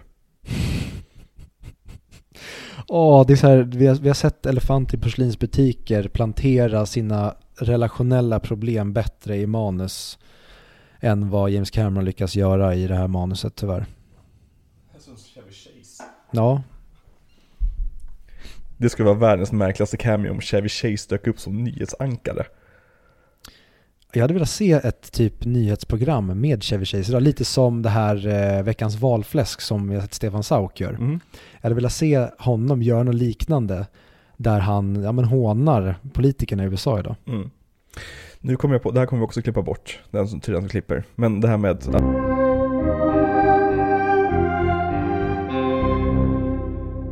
Och sen har vi egentligen, det finns jättemånga skådespelare i den här filmen. Men jag känner inte att någon av dem är särskilt intressant att diskutera. Förutom Michael Bean. Ja, för fan vad han verkar kul. Ja, eh, ja, han hade ju inte kul. Men fan vad han verkar tycka om att spela den här rollen. Mm. Eh, för han spelar då Lieutenant Hiram Coffey. Också ett jävla underbart namn. Ja, och han fick en eh, 10 av 10 musche. Ja, den där musch, alltså den ser så bra ut på honom. Och han, han det här är ju verkligen, här, så fort Michael Bean är på skärmen så förstår jag varför 15-åriga eller 13-åriga Alex älskar den här filmen. Mm. För att han har så, sån jävla intensitet. Och det är så synd att han inte gjorde någonting vettigt efter den här filmen. Ja, det är intressant att han ändå är med i tre raka James Cameron-filmer. Ja, Och sen bara död. för det var i den här filmen som fick honom att sluta samarbeta med James Cameron. Han är ju med, med i nästa veckas film också, fast bara på extended version. Och det är typ en scen som inspelar på en eftermiddag liksom. Och jag minns det som att den inte har i filmen att göra. När såg, har du sett om Terminator 2 hittills? Ja, i ehm, 100 mick. Ja men jag tänker inför eh, avsnittet. Nej. Nej okej, inte jag heller. Jag, Nej. jag ska se den ikväll. Jag tänkte också göra något liknande. Nice, nice. Nej men eh, Mi- Michael Bean var jätteirriterad eh, under inspelningen av den här filmen. Eh, mest på grund av att han var där, tvungen att vara där i fem månader. Men han spe- spelade bara in i ungefär tre till fyra veckor. Mm. Och i, i, inte heller i ett svep utan typ en dag där, en dag där, en dag där liksom. Så han var alltid tvungen att vara redo. Mm. Det finns underbart eh, material på dem för att de, de spelade in så otroligt korta perioder i Mm. jämförelse med när de var där allihopa. Så de lärde sig att ehm, ja, hänga under vattnet. Så de, det finns ju roliga klipp på när de typ sitter och mediterar Mm. eller bara typ lär sig göra lite coola volter och sånt. För de var ju under vattnet väldigt många timmar Exakt. och bara väntade på att säga, ja men nu har vi fått igång tekniken här, nu ska vi filma. Och det hände knappt. Så att de började prata om det här, eh, vad heter Divers Delight, Mhm. vill jag minnas att fenomenet heter då när man kissar i sin wetsuit. Ja men precis, Så att det exakt. blir helt varmt och härligt. Och det var ju någonting som de verkligen lärde sig att älska. Att Ja. de, de kunde ju aldrig gå upp och pissa utan Det får du göra i byxan. Ja, Och det var helt underbart tydligen. alltså den där tanken måste ju ha varit typ så här 70% urin sista inspelningsdagen. Sist, varför är var tredje bild gul? Ja, precis, exakt. Men fan, ska inte vätskan som jag pumpar in i Ed Harris, ska vi ta det ur kranen? Nej, ta ur tanken. Ja. Han hade inget problem med vanligt vatten, det var mer bara så här, fuck, det här är ju, det här är ju piss. Exakt. Eller så var det det som var det roliga med det. Eh, men okej, re- resten av crewet under, under alltså militärerna, Statisterna menar du? ja, eh, de suger. Jag tycker inte om någon av dem. Nej. Det är en, en kille där, han stora rödhåriga ser ut som Donald Logue, om du vet vem det är. Nej. Nej, eh, han spelar hippie är väl helt okej. Eh, jag är jätterädd. Ja. För att det är så här jag vill minnas att typ 99, om inte kanske 100% av alla karaktärer i Avatar är. Ja, ja, jo men lite grann. Det är lite den, grann. den här, och, och jag vill minnas att det är väldigt många i Titanic som också är så här. Mhm. att- Va, va, varför är du här? Jag förstår att här, nu funkar det för att vi har våra två hjältar och Ja. sen har vi en skurk och sen finns det liksom ett litet intressant crew. Mm. Men sen fyller du på med folk runt omkring det och du kan till och med hävda att Billy Zane är en liten sån så här, han, han gör vad han gör i Titanic. Men var det det han skulle göra i Titanic? Och det, jag börjar se att här föddes det där, för det Mm. lyckades han få till i Aliens. Mm. Även fast där gick han i den motsatta riktningen med Hudson och Vasquez. Precis. Så här har du gjort någon motsatsen, att här har du bara statister som är helt ointressanta. Ja, verkligen. Och han som spelar Jammer bara försvinner från filmen, dyker upp igen mot slutet. Okej, jätteintressant. Bra, hej då. Eh, Det är typ Ensign Monk, han tyckte jag om. Who? Eh, Han, han militären som hjälper dem i dräkten. Jaha. Eh, Jag tyckte han, han var väl charmig liksom. Och det finns Mm. en av militärerna som är jättelik Henry Rollins.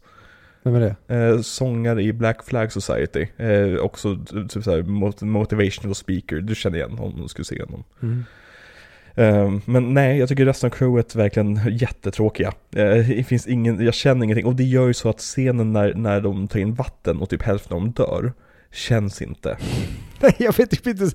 Vem är du? Jag känner ju mer för de okända irländarna i kabinrummet i Titanic än vad jag känner för de här. Typ. Alltså, för, eh, tyvärr, för det är så jävla bra scener. Om vi bara hade känt någonting för karaktärerna. Ja, och det är hela problemet med den här filmen för mig. Mm. Den är alldeles för lång. Den har alldeles för mycket som jag skiter fullständigt i. Mm. Den har alldeles för många spretiga grejer som de vill prata om samtidigt. Mm. Lite som vi brukar vara. Typ, vi Ja. är The Abyss. Ja men precis, men vi inte hade James Cameron.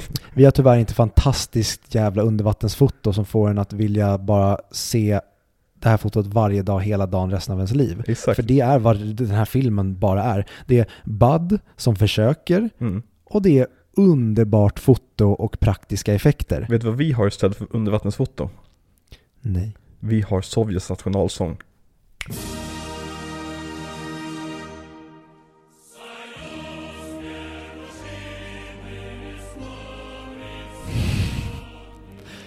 Eh, som man för övrigt inte får spela längre verkar det som. Får man inte spela Sovjets nationalsång? Nej. Vadå? Har, har det äntligen blivit fel att vara kommunist? Just det, tills de kom på det. Eh, eh, det blir någon slags kognitiv dis- dissonans här eh, i den svenska, det svenska etablissemanget. Men Ja. det jag ville komma till var att eh, det var så kul med när kriget bröt ut. Ja. Att nu fick saker inte heta, ryska posten fick Ja, inte heta po, ryska posten längre. Men ett segment i Filip och Fredriks program Alla mot alla Mm. heter Järnridån. Mhm. Och när järnridån fälls ner Mm. så spelar de upp en snutt ur ryska nationalsången. Yes, yes. Efter kriget, då bytte de ut den mot en låt som låter som en rysk låt. Eller om det är någon rysk snutt. Men då Fy kunde de fan såklart... vad larvigt. Ja men det är verkligen, det är så infantilt. Det, Ja. åh. Så att vi gör det också här. Vi kan inte spela, du, du får uh, distorta den eller någonting. Ja, precis, exakt. Men i crewet, vi har två till karaktärer som är typ de enda skådespelarna som har någonting positivt att säga om James Camerons inspelning. Och det är då Ken Jenkins, Jenkins och Chris Elliott som då får vara uppe i kontrollrummet hela filminspelningen. Ja! De får sitta och glassa i det där liksom öppna rummet där de får in frisk luft och grejer. Jag känner mig, och de, de har tydligen inga problem alls med den här filmen. Och det är då Kelso från, eh, från Scrubs och han med handen från eh, Scary Movie 2. Who has two thumbs and don't give a fuck? Bob Kelso. Bob Kelso. Kan du säga inte fuck? För det får man inte säga Scrubs. Nej. Vad, vad tycker du om de två i den här filmen? helt anonyma. Ja, alltså, det, jag glömde, det var som jag sa, det, ja, de dyker upp i början och sa åh oh, nice, där är Dr. Kelso. exakt. Sen glömmer jag bort han är med och sen dyker han upp, ja just det, Dr. Kelso. Ja, Och sen dyker han upp någon gång till. och han spelar ju chefen för hela plattformen, liksom Mm. the money man. Men sagt, de, de två hade en väldigt angenäm inspelningsdag. Typ de två dagarna de var där. Förstår det. Ja, Mm. det måste vara väldigt kul liksom. De kommer dit som ska träffa alla, alla är superarga och sura och bittra och slitna och de bara, jaha, är det så här jobbigt att vara med på en James Cameron-inspelning? Du har ingen aning mannen. De sakerna vi har sett, det kommer jag aldrig kunna berätta för någon, inte ens mina barnbarn liksom. Och så bara, okej, ja, okej, vad ska vi göra James? Eh, sitter de här datorerna. Och det hade också varit jättekul i en Disaster Artist-film om Mm. den här. Hur olika syn de har. De är inte bara talking heads. De får se de som är under vattnet. Håller på, de blir bleka, liksom mörk under ögonen och mår piss. Och sen så intervjuar de Dr. Kelso och han Mm. bara I love this movie. Ja, skulle kunna spelas av eh, Zach Braff. Ja, Bara för att göra ja, roligt. lätt. En ro- rolig casting. Ja. Nu när han är singel. Yes. Du har alltid varit svag för Zach Braff. Nej, jag är svag för hans exfru. Eller exflickvän. Nej, Jo, det är jag väldigt svag för henne. okej då. Jag funderade nästan på att se Little Drummer Girl bara för att hon var med. Ska du inte se om Don't Word Darling? Den finns ju nu på HBO. Jag såg det, fan vad snabbt den dök upp där. Mm. Den kanske man aldrig...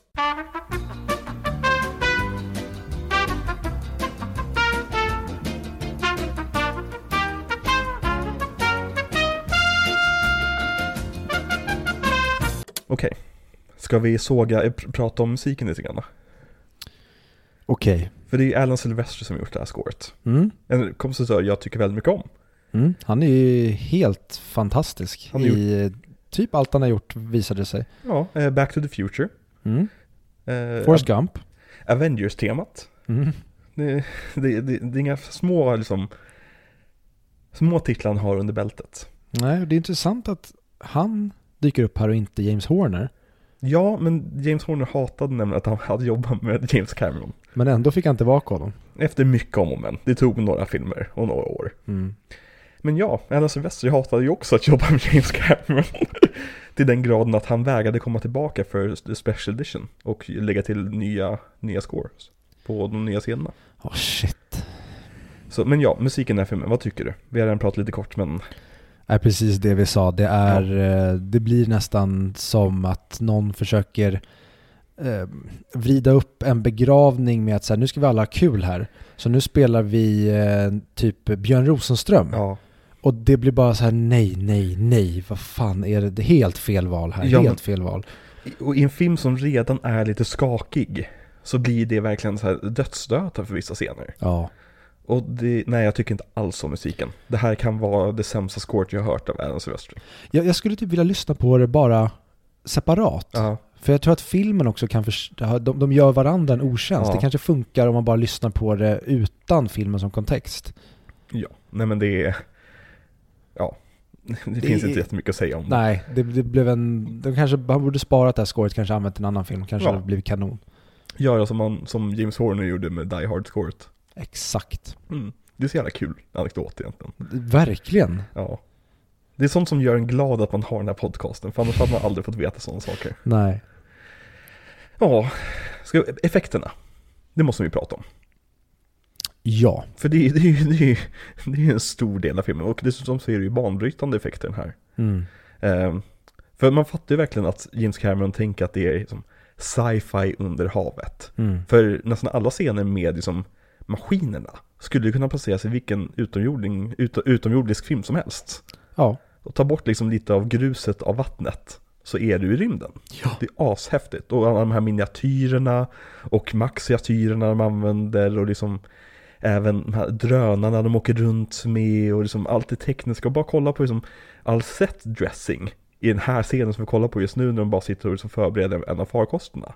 Det ser helt jävla otroligt ut tycker jag.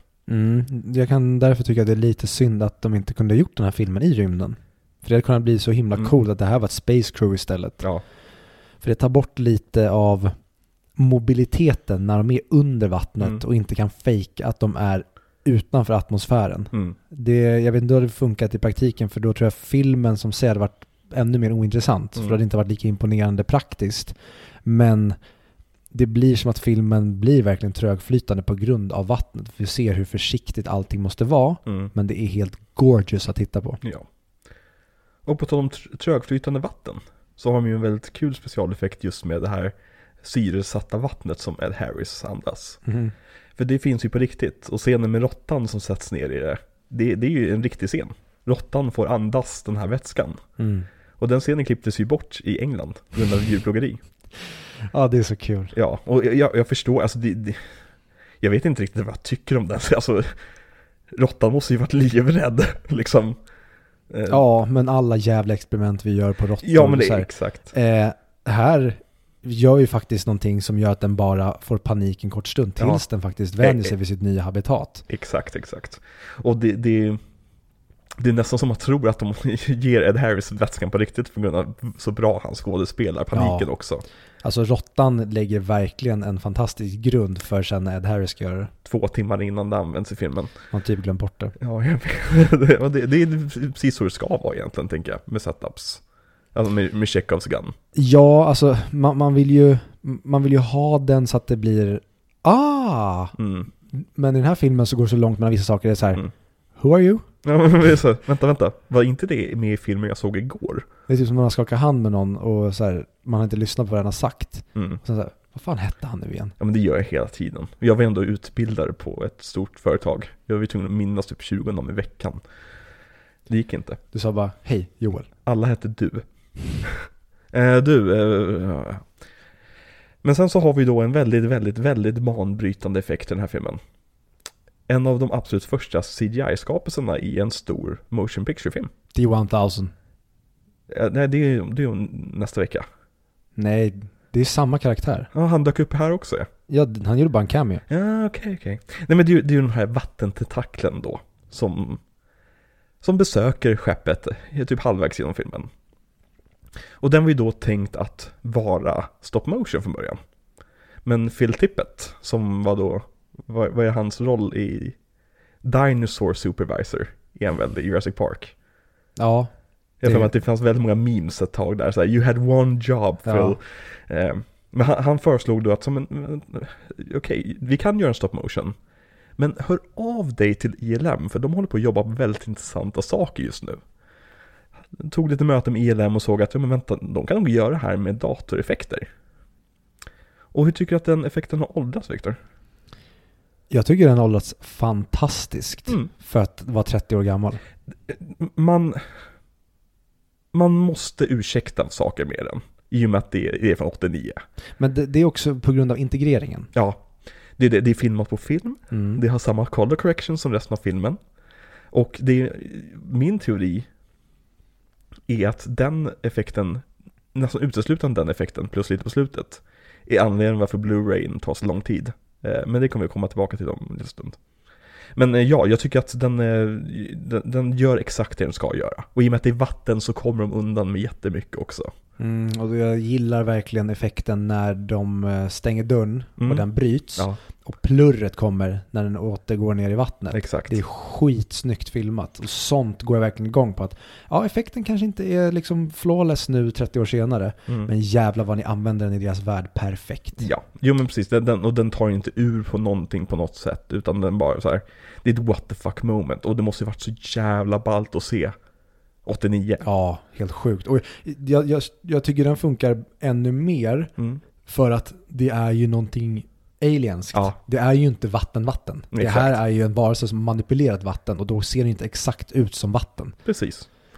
Då tycker jag snarare att det är som utegordningseffekterna är sämre gjorda. Men de är också rätt gorgeous. Jag tycker de är helt fantastiska för att det ser väldigt snyggt integrerat ut i vattnet. Mm. Men sen finns det vissa shots som är för jävla fula. Och när det blir framförallt typ när Ed Harris flyger in i staden och det integreringen Ja, där. här, mycket av de, den här filmens fel i specialeffekterna handlar om integreringen mellan verklighet och effekterna. Mm. För att modellen de har på det här gigantiska jävla rymdskeppet är helt jävla otroligt. Mm. De fly, just när de flyger igenom rymdskeppet också, som när de ser väggarna på det här rymdskeppet, Mm. ser jättebra ut. Men Ed Harris ser så jävla inklippt ut. Ja, Och, och även på slutet när de står ovanpå den. ja, det är synd, för jag tycker verkligen om vad de gör där i slutet, men utförandet och integreringen får det inte att funka alls. Mm. Men i en annan film som verkligen hade byggt upp för det här hade kunnat Mm. bli hur häftigt som helst. För han vill ju verkligen göra en 2001, liksom resan gen fast i vattnet. Mm. Men tyvärr, det ser för jävligt ut. Speciellt när de filmar hon, hans eh, hjälm Ja, och lyset kommer på, liksom studsar mot glaskupan och sen Mm. så har vi bakgrunden. Bara, aj, aj, aj, det här ser inte bra ut. Stanley Kubrick kunde göra det här liksom 68. Du lyckas inte göra det 89. nej. Nej men, men man, säger, man ska inte jämföra någon med Stanley Kubrick. Ja, fast James Cameron är ju ändå där uppe så att han kanske ska mätas med samma måttstock. Ja, definitivt. Men då tycker jag ändå att resten av effekterna i filmen väger upp för de få minuterna så att säga. Ja, sen, Alltså- sen okej, eh, om man då ska jämföra Kubrick med eh, James Cameron. Mm. Det var väl då att Kubrick kanske visste sina begränsningar Ja. och höll sig inom dem, vilket jag inte tycker att Kubrick, han, eller eh, Cameron visar verkligen här att det kan han inte Ja, nej, hittills. Det är ju filmens stora problem. Att han inte vet sina begränsningar. Mm. Han, han är övermodig och han har alldeles för stort självförtroende och det blir filmens, eh, till filmens nackdel till slut. Det är verkligen, för att det finns en så otroligt bra film här. Mm. Om, om man ska liksom sammanfatta den biten. Alltså, hade man fått gå loss på den här filmen med en yxa, eller i ett klipprum, klippt ner till två timmar, då hade man kunnat göra något riktigt tajt och häftigt här. Mm. Verkligen. Och det, alltså, verkligen. det, det sörjer jag lite grann, för jag var ju så otroligt hypad på den här filmen. Mm. Alltså, eh, inte för att jag nödvändigtvis trodde att den skulle hålla samma kvalitet som den var, var 15 liksom. Men just för att det är så här, jag minns, och folk har pratat om så mycket om, om, om effekterna här. Och jag tyckte att den biten verkligen levererade, men sen så var det just det här att det, han brydde sig inte om det mänskliga i hans då mest mänskliga film. Ja. Och då, då, då tycker jag att det fallerar lite grann. Men har, har du någon annan scen som du vill prata om eller någonting med effekterna? Jag tänker scenen när han doppar handen i toan för att hämta ringen är väldigt kul för han har ju en blå hand resten av filmen. ja, det tyckte jag var kul att de fick med sen senare i filmen också. Ja, det känns som sån sak som, som man bara skulle kunna lämnat där eh, efter liksom. Ja, nej men typ en grej som jag tyckte sabbade, eller som fick, det, det, scenen i sig är väldigt fin, det är ju när Lindsay inser att hon kommer behöva drunkna. Mm. För den scenen är väldigt jobbig. Ja, Men hur hon fryser tog mig ur den scenen. hon bara slocknar på en gång. Ja, men, nej men först så är de och så håller de på att leta runt och sen helt plötsligt så kommer hon på att just det, oh, oh, oh, yeah, oh it's so cold. Mm. Det är som att hon bara slår om. Så här, men kom igen, fan. Det gör mig lite bättre i Titanic. Eh, jag vill minnas det så. Ja, vi minns så också. Mm. Ja, sen så scenen, scenen med ringen, alltså just med, med eh, dörren, Mm. tycker jag är ju helt otrolig. Den har vi nämnt. Det är ju filmens coolaste shot tycker jag. Ja men det, det är ju så simpelt också. Mm. Men det, det, det blir så kul också med extra metaforlagret på det, liksom att minnet av hans fru var det som tog honom igenom den här tunga perioden, liksom på något sätt i slutändan. Ja. Eh, Jag tycker väldigt mycket om sånt när filmskapare liksom är lite, lite cheesy när det kommer till sina metaforer. Eh, Och det är därför jag tycker väldigt mycket om James Cameron, för att han, han känns som en person som har ett jättestarkt inre liv, men han vet inte riktigt hur han ska få ut det på skärmen. Han, han känns lite tillbakadragen på många sätt på, på liksom att berätta om typ jobbiga saker eller tunga saker. Han kan väldigt lätt stå och skrika på någon liksom. Men han känns lite reserverad. Och därför tycker jag det är så roligt när han får vara cheesy. Mm. Eh, Men cheesiness kommer vi prata om om, vad blir det, fyra veckor? Tre veckor? Kanske Titanic det. tänkte jag på.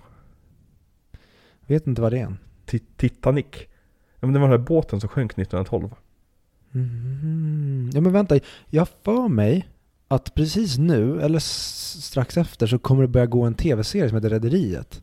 Dun, dun, dun, dun, dun, dun, dun, dun, dun, dun, dun, dun. Men den kanske är baserad på den där båten du pratade om. Exakt. Every night in my dreams I see Ja. you. I feel you. Jaså? Ja. Ska vi prata lite grann om mottagandet av den här filmen då? Det kan vi göra. Det kan vi göra. För att eh, säga vad man vill om pengar och, och, eh, och eh, framgång och så vidare. Men det viktigaste mottagandet är väl från ens, ens käresta och ens fru. Och eh, hur mottog eh, Gaylan Hurd den här filmen? Eh, you are to depart this land, never to return. Ja, de, de skilde sig helt enkelt. Eh, men den här filmen blev ju en relativ framgång, alltså den drog igen sin budget. Nu med spökbudget och allt sånt där så kanske den inte alls gjorde det. Eh, men den drog in 90 miljoner, vilket är en fin summa. Liksom. Det var ingen, ingen på studion som skrek i panik liksom. Nej, det, det, är ju en tokflopp. Alltså, mm. men den har ju ändå på något sätt typ broke even. Så att det, det är så här, okej okay, vi fick tillbaka pengarna. Vilket är tur för vi trodde det här var på väg åt helvete. Det kunde ju blivit så mycket värre med den typen av produktion det blev liksom, ja. så att säga. Ehm, och men kritiker tyckte ju väldigt mycket om den. Den var väldigt mycket så här, folk hyllade väldigt mycket Ed Harris och väldigt mycket effekterna. Det var ju som det häftigaste och undervattensfotot, det är som det vi har pratat om. Eh, och det som folk som hängde upp sig på väldigt mycket under den tiden, det var ju just slutet. Mm. Att det som så här, filmen havererar under de sista 20 minuterna. Vilket jag kan vara beredd att hålla med om. Eh. Ja, men det, det, är för att det kommer out of the blue. Mm. Och det räcker inte med de få out gångerna. Out of the blue water. Ah, I see what you did there. Yes, yes. Nej men precis, Nej, men så, det, det, kommer från ingenstans känns det som, för att filmen har inte riktigt handlat om det den, den försöker handla om till slut. Nej, och det var lite det jag tror jag blev lurad av. För mm. jag satt och väntade på att, okej okay, men när ska det handla om den här varelsen som en i crewet faktiskt stötte på innan han hamnade i koma? Jaha, nu är det 20 minuter kvar. Ja, där var ni. Mm. Nej men alltså det det känns taget, draget ur röven lite grann. Och hela det här sliskiga med att är här, vi är här under vattnet, vi planerade att döda er men för att ni är elaka, elaka mot varandra, men vi bestämmer oss för att inte göra det. Hejdå! Liksom det, det, jag tycker att slutet känns underskrivet med tanke på hur överskriven resten av filmen är. Verkligen. Ja. Och jag kan förstå de som, de som har klagat på slutet på Interstellar mm. och tycker att typ många av de sakerna kanske är dragna ur arslet mm. eller att de kommer out of the blue. Har du sett det? Abyss? Ja. Det, det, fin det finns ändå liksom plantering i Interstellar. Ja men alltså Nolan gör ju mycket mer finstämt den här biten, sista biten. Men, men man skulle väldigt, alltså den här filmen är väldigt 2001-ig. Ja, lite. Jag skulle säga att den är rätt, rätt mycket som, som paralleller. Berätta. Ja men med det här med som att det är bara ett jobb. Och sen så går någonting snett och så måste de justera det efter det. Och så är allting kört, men sen så går han bara djupare in liksom i mysteriet och blir väg, vägförd av de här varelserna. Ja, alltså sure, det kan man väl säga, men då tycker jag att det, jag tycker inte riktigt det finns här, eller okej, okay, det finns här, men det är inte det filmen håller på med. Det är vad filmen hamnar, mm. men det är inte vad filmen berättar. Det är som att man skulle göra 2001 och så finns de grejerna där, mm. men du slänger in så jävla mycket skit däremellan så att vi typ har glömt bort Hal och vad som hände med Hal. Och sen när han sen hamnar ute i rymden och åker på den här resan, det så här, Ja just det, det var det vi gjorde. Men vänta, satt inte han på telefon nyss och pratade med sin fru? Jag, jag, jag vet inte riktigt vart vi var på väg. Okej. Okay. Mm. Nej, så uh, sure. Mm. Det finns väl liksom delar av skelett. De borde haft mer Michael Bean i den här filmen. Och mer av den subplotten. Det, det borde ha fokuserat bara på det. Att ja. de ska ner, fixa det här. Mm. Han blir galen, de måste battla med mm. det. Och sen så vet jag inte riktigt hur de skulle tjohorna in det här med att världen skulle gå under. Behöver Nej, de ens det? behöver vi inte. Varför kan inte bara de rädda Bud? Ja. Det hade räckt. För det gör de i vanliga utgåvan. Jaha. Alltså, Bud blir räddad, han får fortfarande speechet för sig. Men det är inte det här med vågorna, för de specialeffekterna var inte färdiga till releasen. Men det, det, hade, det hade inte heller behövts någon jävla speech. Nej. Det hade kunnat vara att han har försökt ta upp den här missilen, mm. och han misslyckades. Vi räddar dig tillbaka i alla fall, för du försökte i alla fall. Ja, Så han, han är i alla fall en, en good guy. Ja, exakt. Bryt när ljuset kommer till Bud. Nästa gång Bud är tillbaka så är, är han på, på fartyget, alltså upp hos människorna. Alltså att han dyker upp där kanske. Eller han, han hittas i vattnet i den här poolen de har. Eller någonting. Hoppa över att vi får se utomjordingarna och deras stad. Ja. absolut. Den hade bara kunnat dyka upp när han ligger där och är redo att dö. Ja, exakt. Det hade verkligen eh, kunnat räcka. Nej, fan, det, det är inte ofta jag säger att jag inte vill se mer av liksom aliens på det här sättet, Mm. men det var verkligen som att, nej, det, det ska inte vara med. Nej. Men den vann i alla fall Oscar för bästa visual effects, vilket det hade varit skandal om inte hade gjort det, skulle jag säga. Ja, i och med att den liksom bryter ny mark som vi aldrig har sett tidigare så var det konstigt. Ja, alltså om man bortser från CGI-tentacken också, så är det som så här, det specialeffekterna är, men det är för att det inte är en specialeffekter tekniskt sett. Det är, det är bara på riktigt. Ja, men det är väl alltså, den som egentligen får det att tippa över. Ja. För jag tycker även hur eh, aliensen ser ut i sina små poddar Mm. och hur den blinkar. Mm. Jag, älskar när de får till dockor Man ser att det är en docka också, Ja. vilket är underbart. Verkligen. Det, det känns som en... Och när han sträcker fram armen. Ja. Är skitsnyggt gjort. Jag Mm. älskar sånt där. Mm.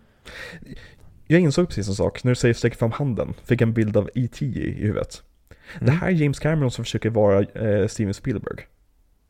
Ja, han försöker vara Kubrick och Spielberg Ja. samtidigt. Och typ Michael Bay innan Michael Bay var igång. Alltså, Ja. Men här, det, den är jätte, alltså Michael Bay är jätteinspirerad av den här filmen. Ja, det, det här känns verkligen Michael Bayskt. Det, det är Michael Bays favoritfilm, just med Michael Bean också. Han är en sån ty- typisk Michael Bay-karaktär. Verkligen. Eh, så ja. Men den blir också nominerad i Art Direction, vilket jag också kan förstå. Ja. Eh, Cinematography, vilket jag verkligen kan förstå. Ja. Fotot är ett av de snyggaste foton jag sett. Eh, och även Sound Design, vilket jag också kan förstå. Ja, för det var en ganska cool grej som de visade i dokumentären att varje gång de pratar ehm, i, när de har på sig dräkterna Mm. så är det som ett ljud som Mm. de sen behövde klippa bort. Mm. Så att de har verkligen gjort ett otroligt arbete med att få saker att låta bra. Ja. För det lät för jävligt där Ja under. men de var ju tvungna att uppfinna ny teknik för att liksom kunna ha ljudupptagningen under vattnet. Mm. Att, alltså, att de ens fick, att de inte behövde ADR hela jävla filmen är ett mirakel. Ja, och att de hade ju teknik som gjorde att eh, när de var djupt nere och kameran var uppe, då kunde skådisarna och kameran prata till varann. Mm. Men alla andra i crewet kunde bara kommunicera via sign language och Ja. det är så jäkla mi- mindblowing hur de får ihop det. Ja. De skrev till varandra Love you Wife. eh, colleague Love you director Ja Men okej, eh, vad sätter du för betyg på den här filmen? Och vem är din MVP samt LVP?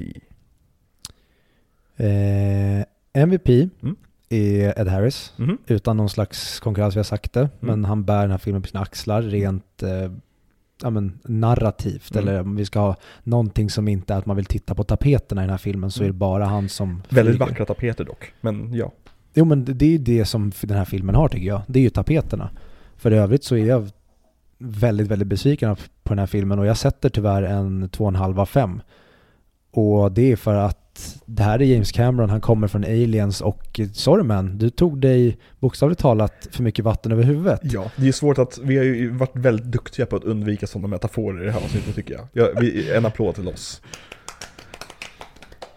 Nej Men så att, eh, och LVP, det är typ alla förutom Michael Bean och eh, Ed Harris. Ja. För de är jätteplatta och jättetråkiga. Jag skiter för, alltså tyvärr Mary Elizabeth Pastarano, Ja. jag, jag bryr mig inte om det. Jag, jag, tyvärr, jag, jag tycker du är jättesöt och du var säkert jättebra Hon är i... duglig. Ja men, så här, men det, det händer ingenting. Nej. Jag bryr mig tyvärr inte och Ed Harris får det ju bara se jävligt platt ut. Mm. Eh, ja, och så, nej, betyg det är 2,5 av 5. Mm. Jag, jag, jag, jag sätter egentligen en 3 av 5 på den Mm. när jag har sett dokumentären. Mm. Men jag kan inte ta det in consideration när jag sätter betyget. För det, det är som att jag ska bry mig om det jag ser på skärmen ut efter hur mycket problem de hade. Och Mm. det vill jag inte göra. Bara rent som filmprodukt och det jag ser så är inte det här en film. Den är, den är precis godkänd. Mm. That's it. Mm. Du då? Jag sätter tre och en halv av, av fem. Jaha. Eh, mitt, mitt godkännande ligger ju på tre, Mm. som, bekant. Vi kanske borde synka våra betygsskalor någon gång, men vem fan bryr sig? Eh, nej men tre, för att jag tycker väldigt mycket om den här filmen. Eh, jag, tycker mycket om, jag tyckte väldigt mycket om att kolla på den. Jag blev ju inte uttråkad som du blev, till exempel. Eh, utan min, mitt största, största fail är just att jag inte bryr mig om casten. Och jag tycker slutet havererar. Annars tycker jag att det är en väldigt mysig film. Det här skulle vara en perfekt film att se bakis, tycker jag. Mhm. Bara ligga, ligga utslagen på soffan och bara kolla på allt, alla liksom undervattensscener. Liksom. Ha lite panik över att, vänta nu, nu har han haft på sig den där vattendräkten i 20 minuter här. Eh, och så vidare. Eh, så den, den helt klart godkänd. Men hade det inte varit för effekternas skull, eller det otroliga undervattensfotots skull, så hade det varit en failad film. Mm. Min MVP vill jag ge till Michael Bean. För jag tycker att det lilla han får göra, gör han så jävla bra. Eh, I och med att du gav din till, till Ed Harris. Känner att vi måste sprida kärleken lite grann. För Michael Bean är, är elektrisk i den här filmen. Det är, jag vill se mer av det här och tyvärr finns det inte mer av det här. Nej. LVP, ja, valfri i crewet. Eh, One Night kanske, jag vet inte, jag, tyckte, jag störde mig rätt mycket på henne. Ja, skittråkig karaktär. Ja, eller, eller hippie, jag vet. Men så här, crewet överlag. Det är som, de, de, de kändes verkligen som glorifierade statister. Här skulle de haft Hudson och Vasquez. Ja, det hade ju faktiskt gett lite dynamik De till kunde det. bytt platser. Ja, men det är som att aliens överutvecklar karaktärerna och Mm. den här underutvecklar karaktärerna. Ja. Och det, det, ja, om jag minns rätt så nästa veckas film så är det bra mycket mer stabilt när det kommer till sidokaraktärerna. Det vet vi inte. Det vet vi inte än. Jag har inte sett den. Nej, exakt. För det ska vi se då nästa vecka. När vi så ser då världens dittills dyraste film. Ja, I'll be back. Exakt, han kom tillbaka till slut. Guvernören. Mm. Guvernatören. Vi ska då se eh, James Camerons The Terminator. Nej, inte, inte The Terminator. Den bara Terminator 2 va? Ja, Vilket Judgment jättemärkligt, det hatar jag. Gör det? Ja, nej, om, den, om första heter The Terminator, då kan inte tvåan bara heta Terminator. Nej men den heter ju Terminator 2 Judgment Day. Då borde den heta The Terminator 2 Judgment Day. Ja, det håller jag med om. Nej men den ska vi prata om nästa vecka. Var finns den att se? Via Play var det va? Terminator 2 Domedagen. Det Ja. låter inte bra. Domedagen. Jag tycker faktiskt eh, trean borde heta det. Fast Ja. den heter ju Rise of the Machines. Så jävla dålig titel. Herregud. Bra slut Ehm, dock. Det är lite nästan som eh, Revenge of the Sith. Mhm. Att slutet räddar upp hela filmen. Att säga, åh, här gör ni coola grejer. Men inte, vad har vi sett innan? jag håller inte riktigt med dig om Revenge of the Shit. Du tycker inte det är coolt när Anakin ligger sönderbränd och sen byggs upp till robot? Jo, men jag tycker inte att den räddar resten av filmen. Nej. Nej. Men det, det kanske vi kommer få anledning till att prata om en annan gång. Men den går då att se om du Terminator 2 har ett eh, konto på Prime Video eller Mm. via Play. Mm. Och vill du hyra eller köpa den så går det att göra det på Blockbuster, Rakuten TV eller Apple Ja.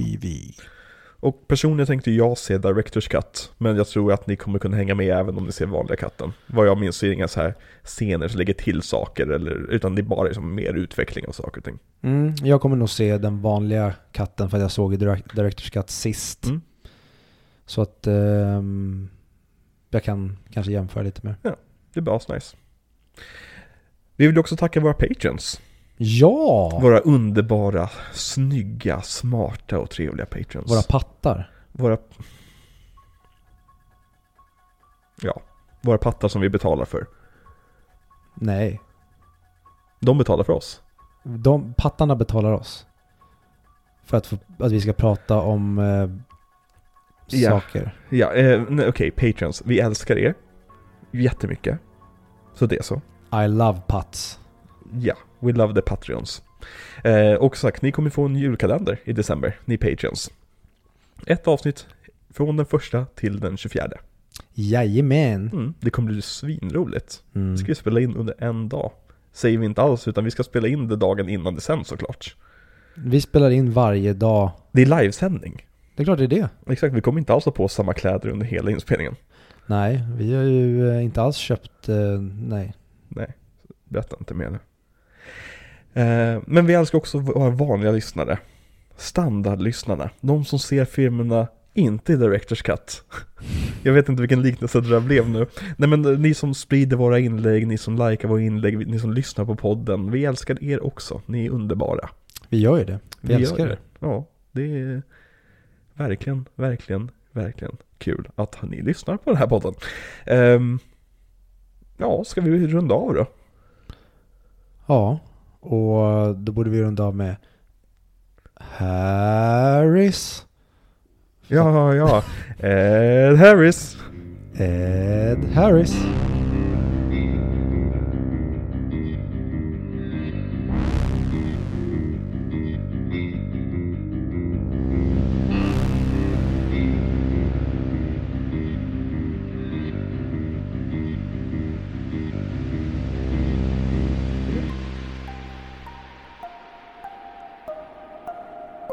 Det känns som vi har glömt någonting.